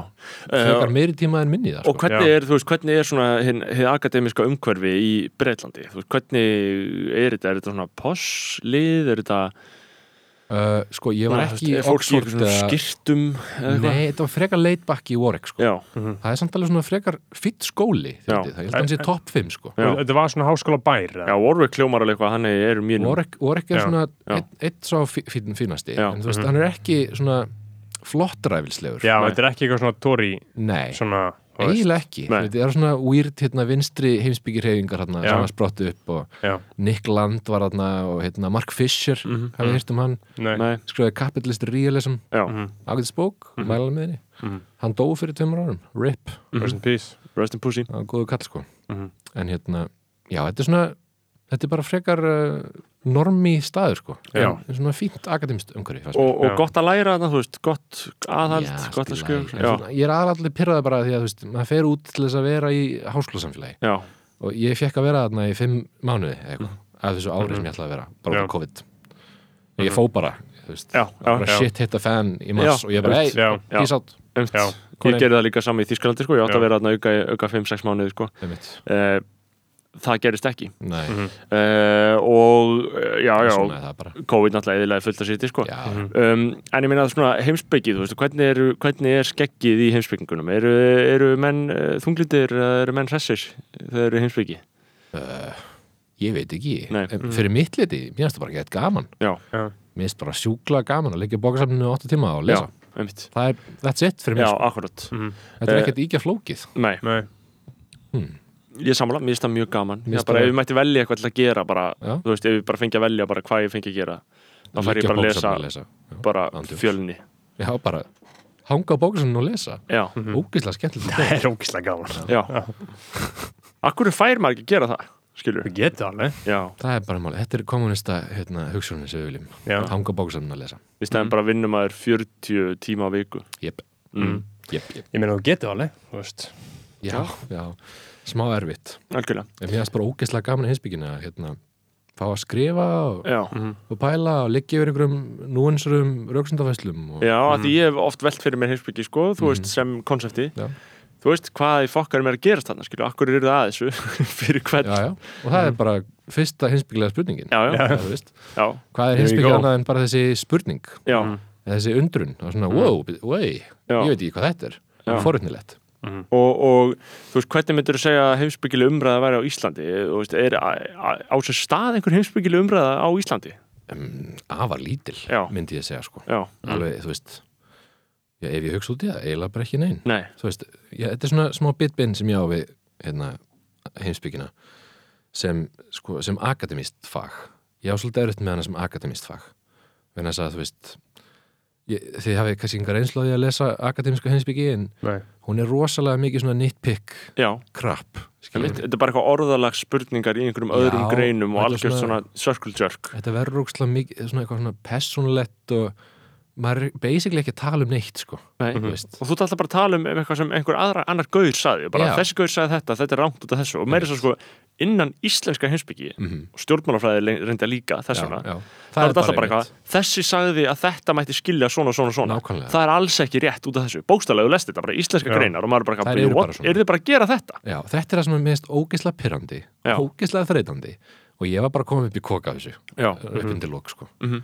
og þetta var ekkit öðruvísi í, í Bretlandi Nei. þannig er bara akademisk heimsbyggi þú ert bara að runga þér yfir einhverjum döðum kalli Mhm. skilji, Já. sem er alveg gaman það er gaman að runga sér, já, já, já, já, já. no shame að runga sér sko. Já, já. en það er enda sjálfsflekkun og, og aðtæði við, en, við, við, við, við, reykjum, við reykjum skýra nofap stefnu hérna í, í, í já. sko. en, ekki einu sinni nofap heldur sko anti-fap. Þetta er ekki nofap því nofap er afstæða til faps. Já. við bara erum anti-konseptið Já. skilur. vík burt satt Já, þetta er algjörð þannig, þetta er bara Ólaður Skúlason sko, það, sem, það sem að mér langar smá að gera með hinsbyggina það er svona einhver draumur hjá mér sem ég veit ekki hvort verða veruleika Mm. er einmitt að skrifa aktual hinsbyggi Já. uh, Hvernig er það? maður les Platon eða Nietzsche eða Hegel eða Marx eða eitthvað Mhm. og þeir eru ekki hérna, Freud sagði þetta eitthvað. þeir eru Nei. bara að segja eitthvað krap þeir eru bara í baði og bara, Gas. herruðu, alheimurinn er að upp, upplifa sjálfan sig eitthvað Já. og hérna, maður fæðist inn í heiminn og maður veit alls konar hluti eins og starffræði vegna þess að maður var sál sem var til áður. Bara Og að, hérna, það að til- fakta hluti frá grunni. Tölur eru til í alvörunni. Og, hver, og hver er munurinn á því og ljóðlist og skálskap Nákvæmlega. Þetta er það sem ég vil gera sko. Mér Já. langar að skrifa ljóðspeki. Einhvers konar. Ég meina, Nietzsche, Það er draumurinn hjá mér. Nietzsche var bara eitthvað Hann var bara Já, ljóðskáld hann var Já. bara ljóðskáld, þú veist, Já. Nietzsche shiti er allt bara eitthvað kjaftaði, skilur Já, nei, Nei, ég er ekki að segja Frábært sko. Geðvitt stöf. Allt geggjað. En þú veist, En bara er, að mörgu leiti bara Zarathustra er ljóðverk Já, og, og sko. talaði um, þú veist, orðspjót. Þú veist, þetta eru bara svona litla línur. Þetta eru bara svona, þetta eru svona svolítið svo lítið erindi sem hann bara svona Já. kasta fram sko. Aforismatnir Já, Og geðvitt að meira stöf þess að í hérna, Gay Science Wissenschaft Já. þá er hann með formúla sem eru bara ljóð. Já, og eftirmála sem er hérna söngur prins Vogelfræ. Já, prins frjálsinsfuglin já, þetta er bara eitthvað svona djók og fyndið og hérna ljóð og, bara eitthvað tweet. Já, basically sko. Þú veist, hann er bara- Orðspjótin, það eru algjör 280 characters, sko, þú veist. Er orðspjót, er það þýðing á aforisma? Ég held það, sko, já, já, Já. orðspjót, Já. það er heldur gott, sko. Allir gott. Orðspjót ég hef strögglað að finna þýðing á þessu orði. ég held að sé bara formlega þýðingin á Nietzsche-konceptinu, sko. Já, ok, skemmtilegt. Uh, Nietzsche, já, hann var king uh, við hann erum að gera var þátt um algjört Nietzsche, sko. beta algjört beta, algjör kött, beta, sko. veist, og vargæðugur en, en heimsbyggin hans er king, Já. sko, hún er Já. king shit einmitt hún er bara, hann er briljant Já, Já. Uh, þú veist, já, það er raunhæft er kannski raunhæft, þú veist, bara fyrir þig að, að einmitt, skrifa, þú veist, að því að öðna, mér finnst alveg get nice, Mm. ef þú myndir skrifa bók eins og bara um öðna, þú veist, kapitalisman, já, hvað hann er einmitt. á íslensku. Já, þetta er eitthvað sem er langar Ég held að það væri alveg Já. framlag, þú veist, bara Það væri eitthvað æðislegt. non-fic veislu, skilur mm almenns eðlis. Þetta er bara eitthvað sem er langar að gera. Já. en ég finn aldrei tíman En þú veist, en þú, Er en þá voru náttúrulega líka passað að kalla það ekki ljóðspeki, sko, að þá, Nei, nei, nei, er Já. það, gonna scare the host, sko, já, já, já, já. Hafið ekki, hafið þið séð, ég er alltaf, ég, er alltaf, ég posti þessu reglulega hérna, mynd af hérna, hendi sem hendur, heldur á hérna, hegel fyrir bara frá andans og það er svona Já. stelpur allt í kring sem er eitthvað já, já, já, já, já. Vi, Þú ert mættur í partíð eitthvað, "Hey, tala um hegel og allir eru bara, what the fuck Já, sko, við, við, við erum með tvær þannig svona scaring the hose umræðefni sko. Já. það er fjölmiðlar og handrit sko. Þeir, Þau tökum umræðinu um Já. íslenska fjölmila þá er bara þá íta þá Það er það að að pásu gera svo sko. bara pása, pása, Já, já, pása, já, já. pása. Fucking hell man Já, já. En, ég, ég já, að ég meina það er bara frábært. Ég er bara stið öll rittstörf og ég meina þú veist það er náttúrulega bara að keira það áfram. Já, mér langar bara að pjakkast eitthvað í þessu sko. Bara að gera eitthvað skemmtilegt líka. Já, veist, og ég held að það líka það á ekki að vera eitthvað slog. Nei, það er bara gaman. Já, Já. og grína, og bara, einmitt, bara, þú veist, bara grína svolítið, bara svona eitthvað smá djók, sko. Ég var með konceptabók sem heitir bara hérna, skopstælingar sko. Já, veist, bara eitthvað svona, Já. maður er eitthvað að leika sér sko. já, algjörlega. Það er bara góð hugmyndabók, sko. Uh, Þarna, uh, ég held líka að uh, það geti alveg verið að þetta sé ekkit endla dött koncept, sko, bækur. Nei, þetta, mun aldrei deyja Nei. út af því að er sé það mikill máttur í þessu Það- að það bara, getur ekki drepið út þetta. af því að þetta er grunnurinn að öllu Já, þú veist, þetta byrjar allt, þú byrjar að skrifa hand, veist, alla bíómyndir byrja sem outline sem er bók Já. þú veist, þetta- þetta þetta er allt þetta þetta er kjarnin, Já. þetta er kjarnin að öllu og þetta er grunnin, grunnurinn að öllu sko. Já. fyrir auðvitað alltaf podcastið það er kjarnin og síðan er að skrifa. Podcastið er algjört, þú veist, það er algjört frum afl, sko. Mhm. Ég hugsa líka, en ég meina, minnst podcastið einhver leiti, sko, vera smá svona bók, uh, bók, Já, bók 21. aldarinnar eða þú veist, þetta er bók uh, ljósvakameilana. Mm. Já. þetta er svo mikil bók, að því bók er, þú þetta veist, hefur svo rosalega áhrif sko. Þú veist líka að því að, þú veist, þú, þú farið aldrei eins og bók, hún er mjög sérstök að því leiti að, þú veist, maður hefur séð alls konar kvikmyndir, maður hefur séð þætti eða sjómarsvettir eða heimildamindir eða alls konar sétt. Mhm. Það er alltaf tengdet af því að það er samvinnuverkefni. Já. Bók er bara af, afurð þjáningar eins manns. Mhm. Þú veist, og bara eitthvað sem setur allt sitt í það og það þarf ekkit klötter, þú veist, þetta er svo mikil, er tærari orka Mhm. að einhver leiti sem minnst bók vera, sko. Podcast hefur eitthvað af þessari orku sko, að þetta er svo mikið bara, þú veist, við komum bara inn og íttum að rekk og svo bara Já, tölum við, við, bara. Svo það er ekkert meira, og, og, og, og líka, þú veist núna einhvern veginn þá hlusta allir á podcast. Mm. það er allir með sinn tíma og þú veist, því miður er vinsalasta dótið, skilur við bara viðtöl eins og finnst þesta podcasti núna heitir 24-7 með Begga Ólafs það sem er bara Já. viðtöl við Áslu Örnu og Bjarnar Ben. Er, það ekki, var ekki, er ekki Sölvi vinsalega? Sölvi er búin að delete öllum þáttir sínum. Já, Ah, hann er instantly Það ekki vinsalega lengur. Já, já, og núna er Beggi Ólafs komin með eitthvað öllum þáttunum sínum. Já, hann er bara að delita þeim öllum, mér finnst það magna What? Já, mér finnst það rosalegt sko. Hann hlýtur að, hann hlýtur að varðveita þættina einhvern veginn, upp á heimildagildið, sko. Ég, ég vona það, en þú veist en, en já, þú veist, Ok, Já, en nei, nei, stjórnmálamenn eitthvað, whatever Já. Það er svo það er. Uh, þurfum við að koma eitthvað meira? Nei. Hegel, jú, mér langar að spyrja þig um það. Ok. þú, þú veist eitthvað um Hegel, hvað eh, Hver er það? hver er það? það er bara uppáhalds kallið minn sko. Já, Uh, King Kallmaður Já, Mhm. hann fættist, hvað var það, sjö- 80, nei, 71, 1771, 81, manna ekki. Og uh, hann skrifaði bóks sem heitir Fyrir bara frá andans. Já og síðar Rökuvísindin, uh, Wissenschaft der Logik, mhm. mjög góð bók. Og hvað, hvað er hann að segja þessari bók? Hvað, bara eitthvað velta fyrir sér rökfræði? Eða? Já, í rauninni, Já. en það er sko, þetta er rökfræði og frumspyggi saman, þannig að Mhm. hann er að tala um, þið veitir, þið þekkið Descartes, auðvitað, Mm, ekki það vel veit hvað það er, en, En veit ekki hvað Röksundarveslan hjá Descartes er, ég veit ekkert nema að ég er að hugsa. Mhm. Já. Uh, Hegel í rökvísindunum tekur deilinu skrifi lengra í efveikina og segir sko uh, við vitum ekkert nema að það er. Að eitthvað er Já. Já. Þetta er svona fyrsta lógiska propositionið Já, að veran er. já, ok Ó, Það meika sens, eitthvað hann er abstraktar með þess að frá jeginu sem hugsar. Mhm. Það bara er. Mhm. Og síðan vindur þetta upp á sig í einhverjum röksundarvellum og mjög áhugavert sko. Ok, og sérst og það, rökfræði er náttúrulega bara eitthvað algjört svona eitthvað, eitthvað sönnun, starffræðisönnun í MR, þú veist, þú veist bara að gefa eitthvað annað og á grundöldi þess, þá þarf þetta að gera eitthvað annað. Veran er bara fyrsta frumsendan. Veist, þetta er bara svona aksjón eða þú veist, Já. eitthvað sem þú gefur þér Mhm. eða er gefið Mhm. og já, þetta er mjög áhvert stöf já finnst Og það ég bara- óskilinlegt þetta, er mjög óskilinett Já, já, já, já, já, já. hann bara, hann skrifar eins og hálfviti Já. og þú veist, hann vesti rithundur þú veist, Já, margir segja það sko þetta Já. er vesti rithundur allra tíma. Einmitt, ég er alltaf búin að, búin að liggja yfir honum í fjögur ár sko. Já, þannig að ég fíla hann í döðlur Já, veit ég, já. en það er acquired taste sko. Ég sá einmitt, ég sá einmitt umræðum þetta bara á Akademi Twitter í dag, sko, þá var fólk að hrauna yfir uh, ekki Hegel, sko, en það var að posta fullt af svona vondum akademísku texta, sko vegna þess að- ég sá þetta, Já, var þetta Judith Butler hann? Judith Butler, Ég sá bara þetta. ólæsilegt tótt, skilur Einmitt. og svo fór ykkur einmitt, og síðan sko, þegar maður er búin að vera í akademíunni í nokkur ár Já. þá les maður þetta bara. Já, og ég get lesið þetta. Og hún voru að tala um eitthvað homogeny, eitthvað, capital, Althusserian shift eitthvað, og maður er bara svona, já ég get alveg skilið konar að segja. En það er svona En á yfirborðinu er þetta skilur Já. en síðan svona stigum maður hálft skref aftur eitthvað, ég hætti í akademíunni þú veist, í ágúst, Mhm. byrja að vinna og ég þurfti alveg að lesa þetta þrisvall að ná þessu núna, Akkurat en þú veist í síðasta sumar hefði ég lesið þetta eins og vatn Já, sko. að þetta er eina sem maður er að lesa, Já. skilur þannig að þetta er bara æfing. En þetta er bara jargon skiljið Já, þetta Já. er bara jargon, skilur og, Já. en en, fólk einhvern veginn miskilu þetta alltaf sko, og heldur að heimsbyggi, þú veist, hún alltaf ætti að vera aðgengilegri. Já, en þú veist, við gerum ekki þessu sömu kröfu á, ég veit ekki, eðlisfræði. Nei, nákvæmlega. Ef ég set fyrir framann einhver, einhver flókna eðlisfræðjöfni og þau skilja hann ekki millilega laust er það þá einhver áfyllistómur fyrir eðlisfræðina? Akkurat Nei, Nei, nei. þú Það bara er kannt ekki eðlisfræði. Já, Já. saman með líffræði alltaf það. Já. þú bara skilur þetta ekki. Og þetta er líka Það það sem, eitthvað- þetta er einmitt líka mjög mikið nýri í íslensku deild, þar er alltaf verið að sko ásaka fræðimenn fyrir að vera að tala í ómiklu fræðimáli. En bara svona, þetta er bara, þetta er vísindi skilur það er ekki, við, þú veist eitt er að skrifa fyrir almenning og annað er að skrifa Algjörlega, vísindatekst sko. algjörlega.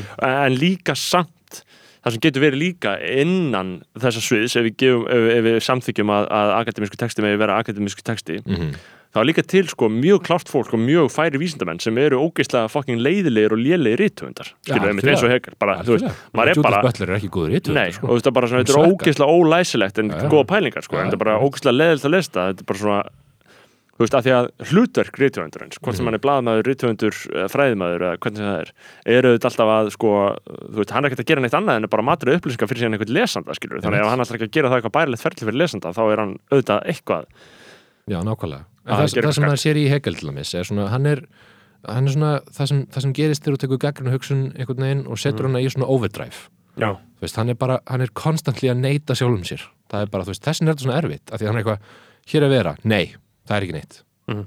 og síðan, nei, það er, það er ekki ekkert það er vera þetta er svona, þú veist, þetta er er að segja þetta svona Já. skilji. en vera, er það það bara einmitt eitthvað? það er bara, vera vera Já. Þetta er svo að Og, og, það er ekkert já. og, og, Þannig og, færðu hvern, ekkert. og hvernig var hann kallinn? Ég meina, var hann þunglindur? Drapa Nei, sig? nei, hann var bara heilbriðasti hinsbyggingurinn sko. Hann átti konu og börn og Elskaði? Já, Já. það, það er Respect. varðveitt eftir hann ástaljóð til konu sinnar Já, og bara já. sjúklega krútlegt shit sko Já. Já. Og hann er, hann, hann er þýskur, eða? Þú er í að þjó- þýskasti kall sem uppi hefur Já. verið Og þú hefur ekkert viljað læra þýsku til þess að lesa hann á frumálinu, eða?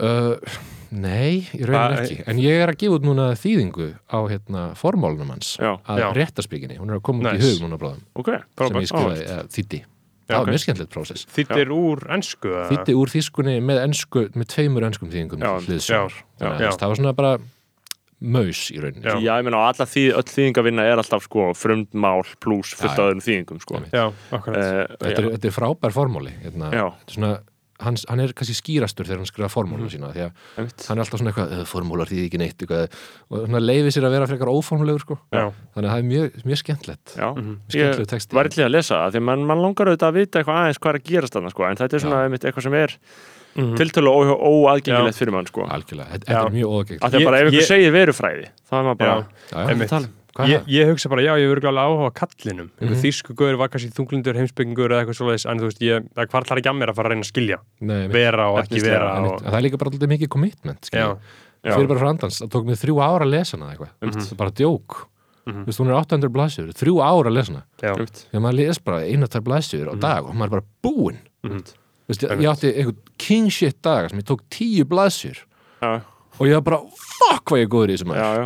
var bara, ég hef aldrei verið í betra formi.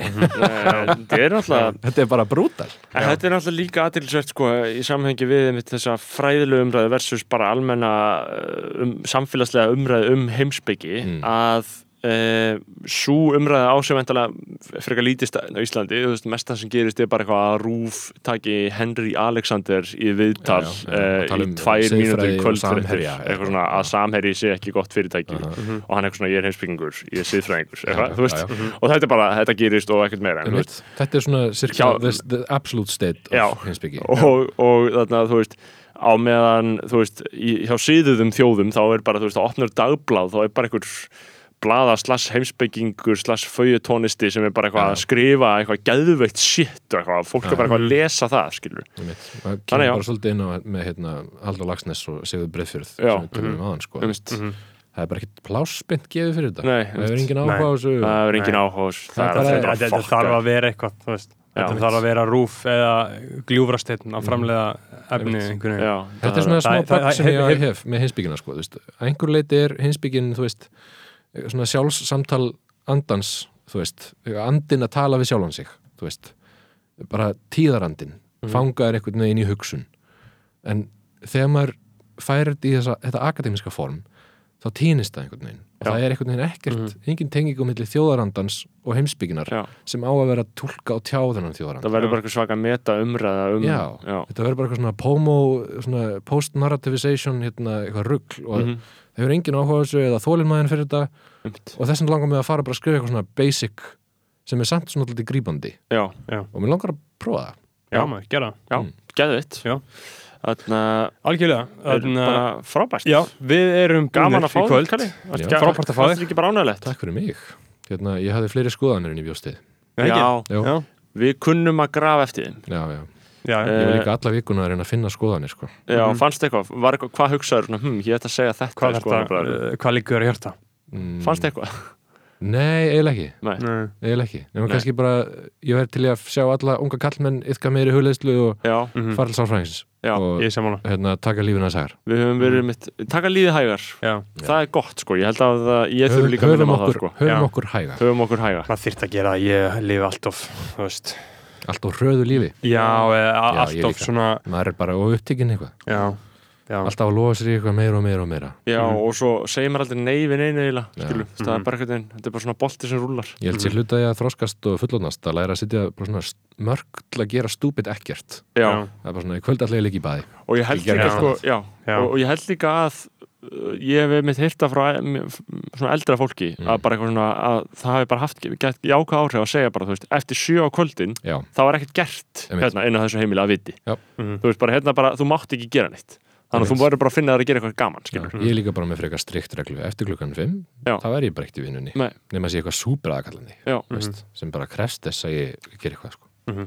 ég, bara, ég er ekkert að svara um tölvupólstum eða neitt segjum ég og Beggi hérna, við erum vinna klukkan 9.30 og Já, af því að ég, ég, ég, nefnilega, ég, ég nota vinnuna sko sem uh, deyfingatól Já. sko. já, já, út af því að þú veist, þegar ég er í fríi þá kemur þunglitið sko. Mm. veist, en þegar ég er eins og bara ta taka upp hlaðarpstátt þetta er ein, þetta á að fara í sund er það einu sem að, þú Já. veist, sem maður er ekki trublaður Mhm, Já. af símanum eða einhverju annars konar það sem er ekki online já, já, já, basically. Já, þetta er svakalegt sko. Það er bara hér í gymminu, í- nei meira sér ekki í gymminu þá erum við símin, það er bara sund og eigilstó já, nákvæmlega. Það Svakalegt. mjög verðt að pæla í þessu að hafa síman alltaf í fjessin á sér sko. taka lífin hægar Heyrðu, hérna, Kalli, takk hjá fyrir að koma Takk fyrir að koma. og skítið í Patreon. ykkur. Takk. Fyrir-. Bye. Já, bye. Fyrir hver að